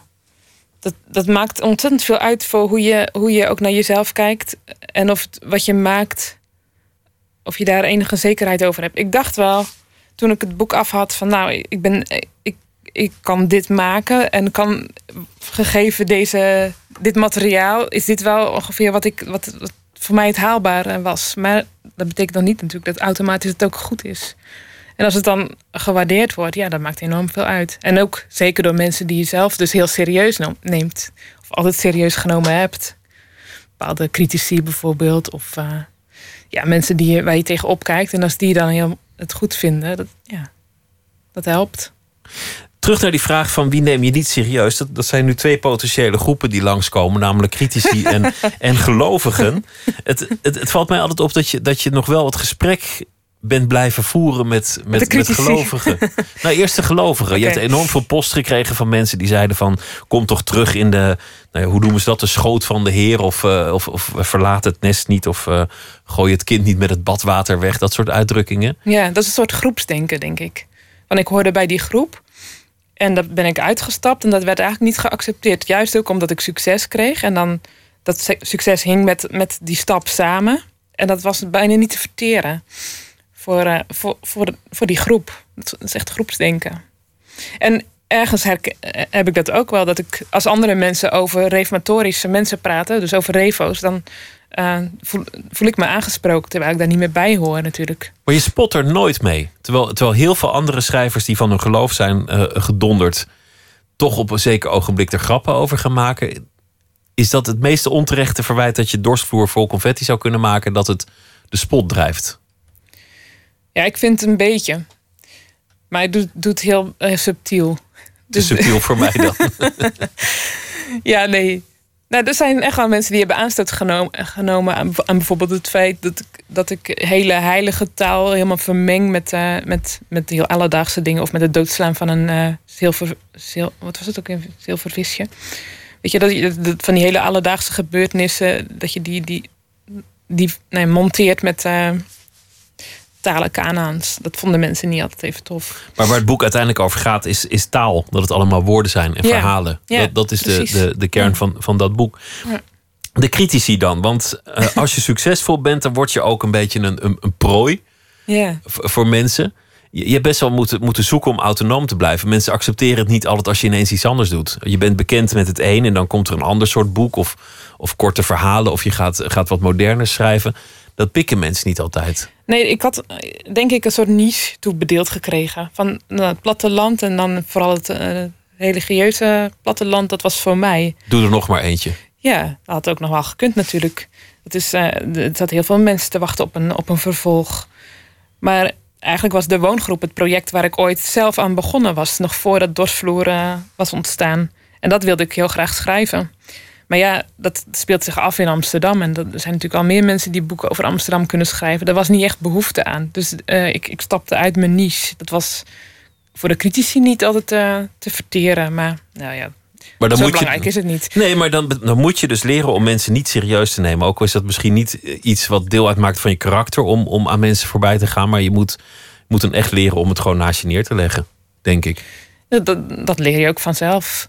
In zo'n situatie. Ja, je, je, kan, eh, je kan niet veel doen hè, op zo'n moment. Je kan er niet op reageren. Je, kan, je bent eigenlijk een soortje net als de koning. Die mag ook nooit wat zeggen over, eh, over eventuele kritiek op de Gouden Koets of wat dan ook. Je, je, je, kan, je mag nooit reageren op, op kritiek op je werk. Want ja, dat hoort niet of zo. Dus een soort... Heeft ook geen zin. Wordt een oeverloos debat. Neem nog een kaart. Oh ja.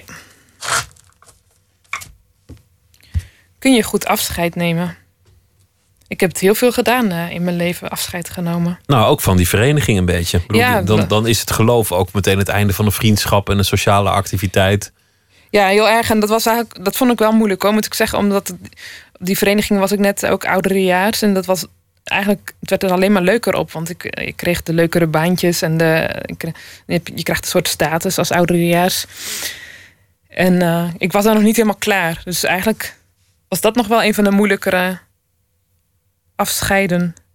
Dat is helemaal geen meervoud. Nou ja, een moeilijk afscheid vergeleken bij anderen. Maar ja, om er nou bij te blijven van ik geloof er niks van, maar het is zo gezellig en ik ben van de filmclub. Dat, dat lijkt me toch ook Eh, niet, niet een keuze, niet een optie. Ik was hoofdredacteur van het een lijfblad. Nou goed, nee, dat is, dat is waar. En misschien was ik er ook al wel stiekem toch ook alweer, ook wel weer klaar en wilde ik weer nieuwe dingen. Ik denk dat er, voor een deel zijn het ook karakterdingen. Hè? Dat je gewoon weer door wil. En dat je dan dus ook van groep verandert.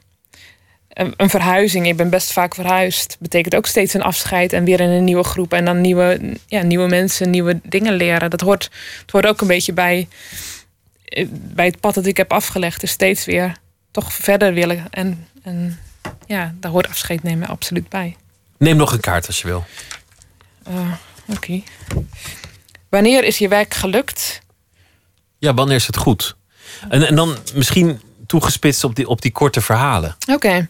Want, want moet je er heel veel aan schaven? Of, of weet je meteen hoe het eruit gaat zien? Nee, de, de oudste zijn ook het beste. Dus de, mensen, de, de verhalen die het langst hebben gelegen, die ik het vaakst heb gezien. Daar, ik kan er steeds weer nieuwe dingen in, of nieuwe foutjes uithalen. Of, eh, ja.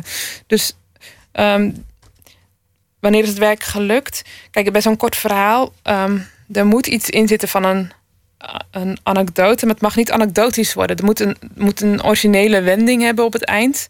Of er moet een originele gedachte.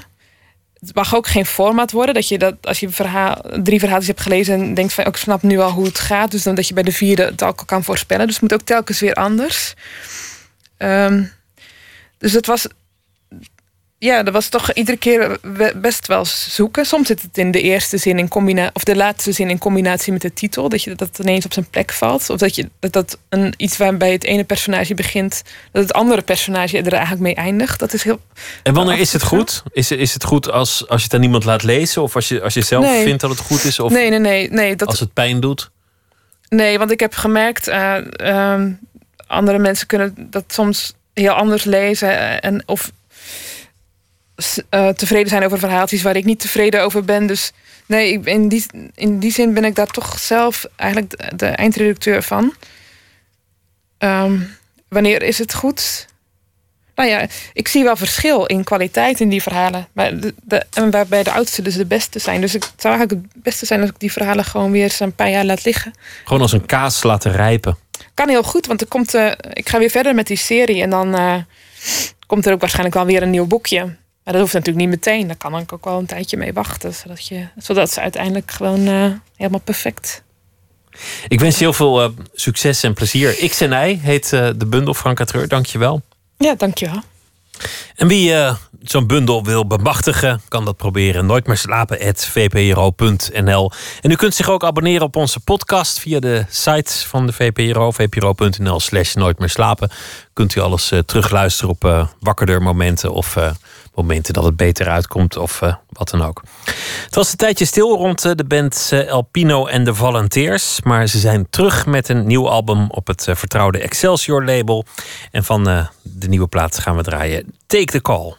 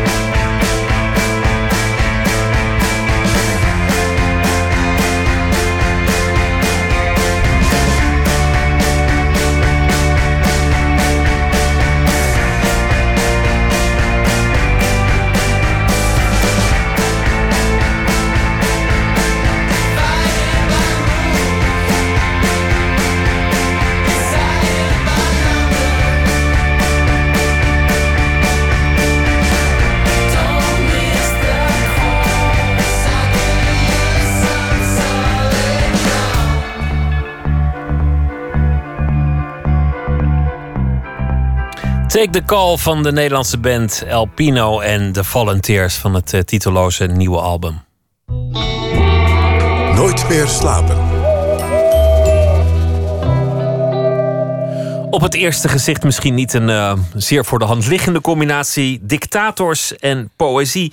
Er zijn uh, vele despoten die zich hebben beziggehouden met uh, de dichtkunst. Van Gengis Khan tot Stalin, Nero tot Pol Pot. Allemaal schreven ze minstens één gedicht. Historicus Paul Dame verdiepte zich daarin, het dichtwerk van de dictator.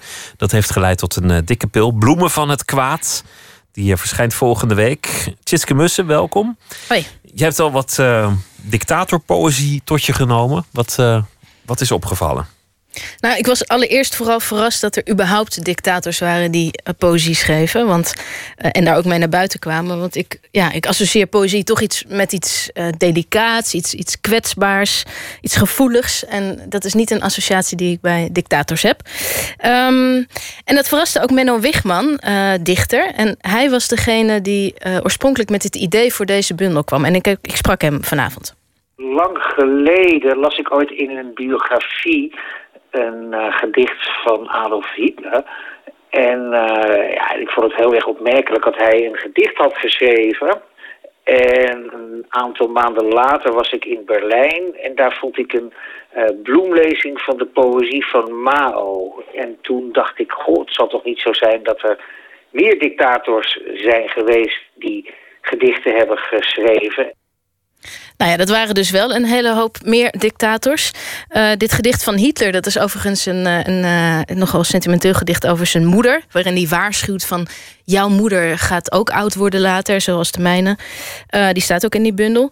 Uh, uiteindelijk kwam het idee dus van dictatorspoëzie verzamelen. Dat kwam bij Paul Dame terecht, historicus. En die is bijna tien jaar bezig geweest met het verzamelen van die poëzie. Die heeft ontzettend veel onderzoek gedaan. En hij heeft bij al die gedichten die dus in, in dit boek staan... ook allemaal korte essays geschreven... waarin je ook meer achtergrond krijgt van, van die dictators. Heel leuk. Um, dus hij geeft een beetje een inzicht in die dichtersgeest van de dictator. En ik vroeg hem waarom dictators de poëzie dan opzochten. Sommigen doen dat vanwege de propaganda, zoals die van Turkmenistan. En Stalin deed dat omdat hij jong was op school en dat hij gedichten wou schrijven over God en dat soort dingen. En koningin van Engeland schreef gedichten omdat ze in de sores zat. Er zijn hele verschillende motieven. Soms is het propaganda en soms is het ook echt. Saddam Hussein uh, moedigt zijn troepen aan daarmee. Uh, Fidel en Castro en, en Che Guevara gebruiken het als propaganda. Hetzelfde geldt voor Ceausescu en anderen. Er zijn verschillende motieven. En juist die uiteenlopende motieven vond ik een interessant, interessante gedachte... om te kijken wat er nou zo achter zat. Dus het gaat over propaganda, uh, troepen aanmoedigen. Maar soms ook gewoon heel gevoelig over verlangens en angsten van die dictators. Bijvoorbeeld bij uh, de Vietnamese dictator Ho Chi Minh. Ik heb hier een gedicht van hem, dat heet dan uh, Maand van Hoop. In de gevangenis zijn wijn nog bloemen.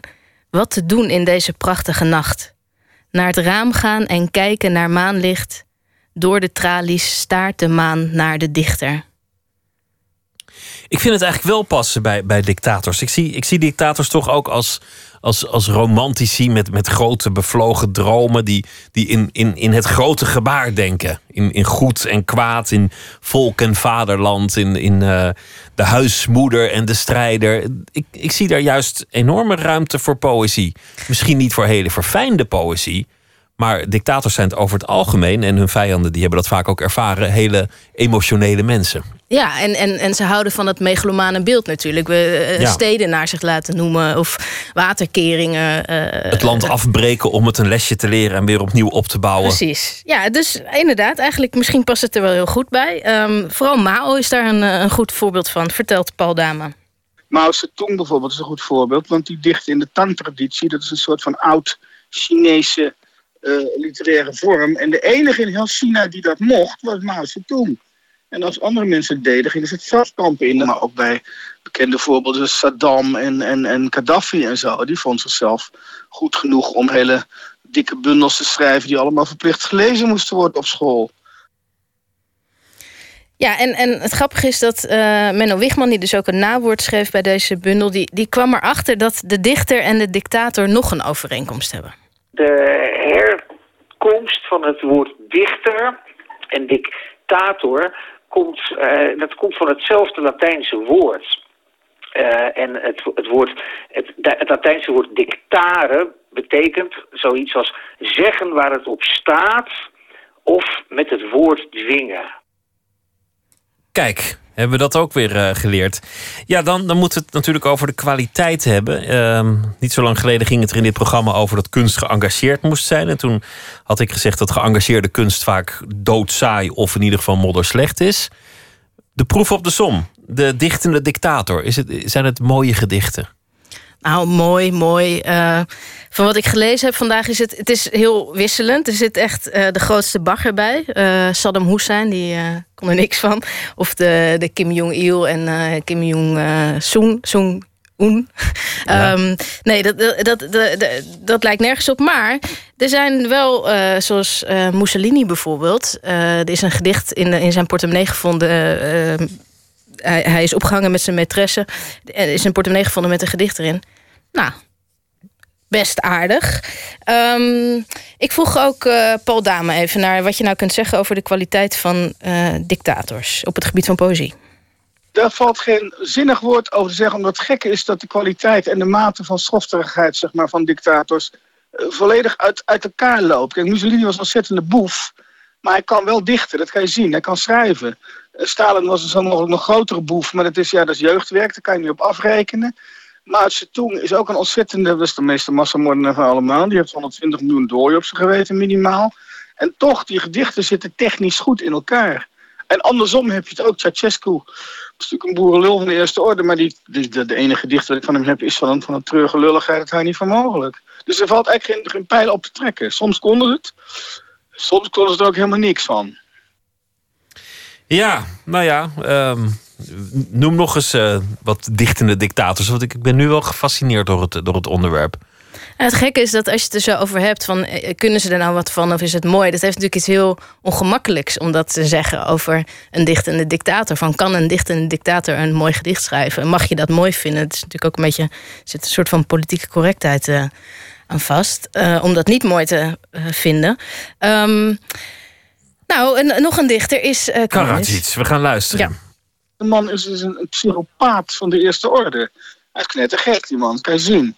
Maar die gedichten die zijn helemaal zo slecht nog niet qua beeld. Ja, het is natuurlijk, je moet ervan houden. Het gaat heel erg over bloed en bodem en strijd. En moslims die dood moeten heel vaak en noem maar op. Maar het is wel goed geschreven. Ja, wel goed geschreven. Dat is ook wel een beetje ongemakkelijk als het, uh, als het gaat over genocide. Maar het is wel technisch een goed gedicht. dat vind ik toch ook weer een ongemakkelijke analyse. Nou ja, ja, je moet maar hopen dat ze, dat ze het redden als dictator. De, of, ik zeg het juist weer verkeerd om. Redden als dichter de komende dictators. Ja. Zoals, uh, nou, en vooral moet je gewoon het boek lezen en die essays uh, erbij. Dan, dan, dat geeft veel meer inzicht in die levens van de dictators. En hoe ze dan tot die poëzie zijn gekomen. Bloemen van het kwaad van historicus Paul Dame. Tjitske Mussen, dank het Noorse damesduo Smerts opereert vanuit Kopenhagen in eh, Denemarken. Ze maken elektronische muziek geschikt om op te dansen, maar ook wel uh, om gewoon naar te luisteren. Althans, we gaan het proberen. Hier is. Because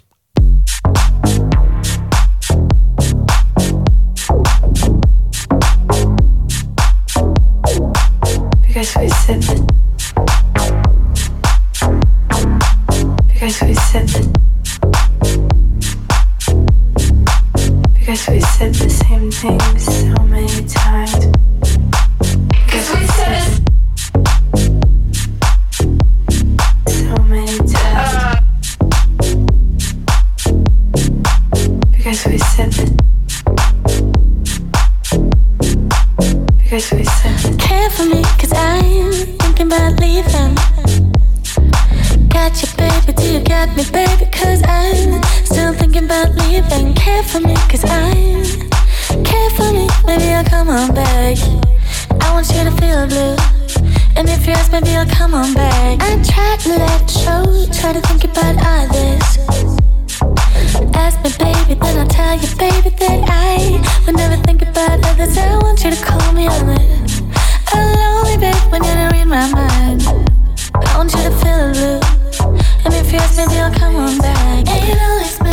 Het Scandinavische duo Smerts met Because. Anneke Klaus is dichter, zal deze week elke nacht een eh, gedicht voordragen.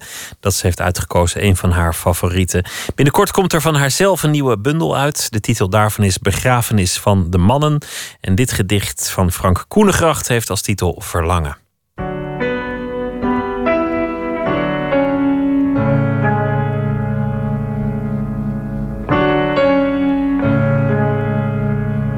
Koenegracht is meester in de ironie.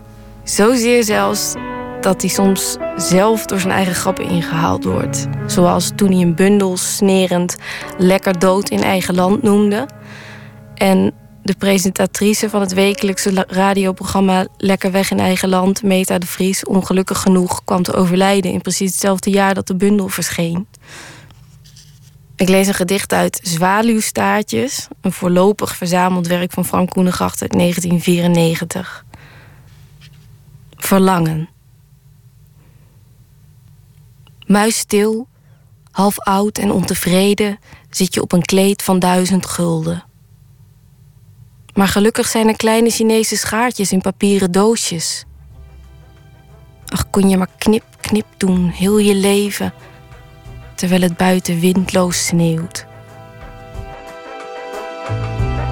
Het gedicht Verlangen van Frank Koengracht, uitgekozen door uh, Anneke Klaus. Morgen in Nooit meer slapen is acteur en regisseur Erik Wien te gast. Voor nu wens ik u een hele goede nacht. En uh, straks topradio met Jurjen van den Berg. Goeienacht. Op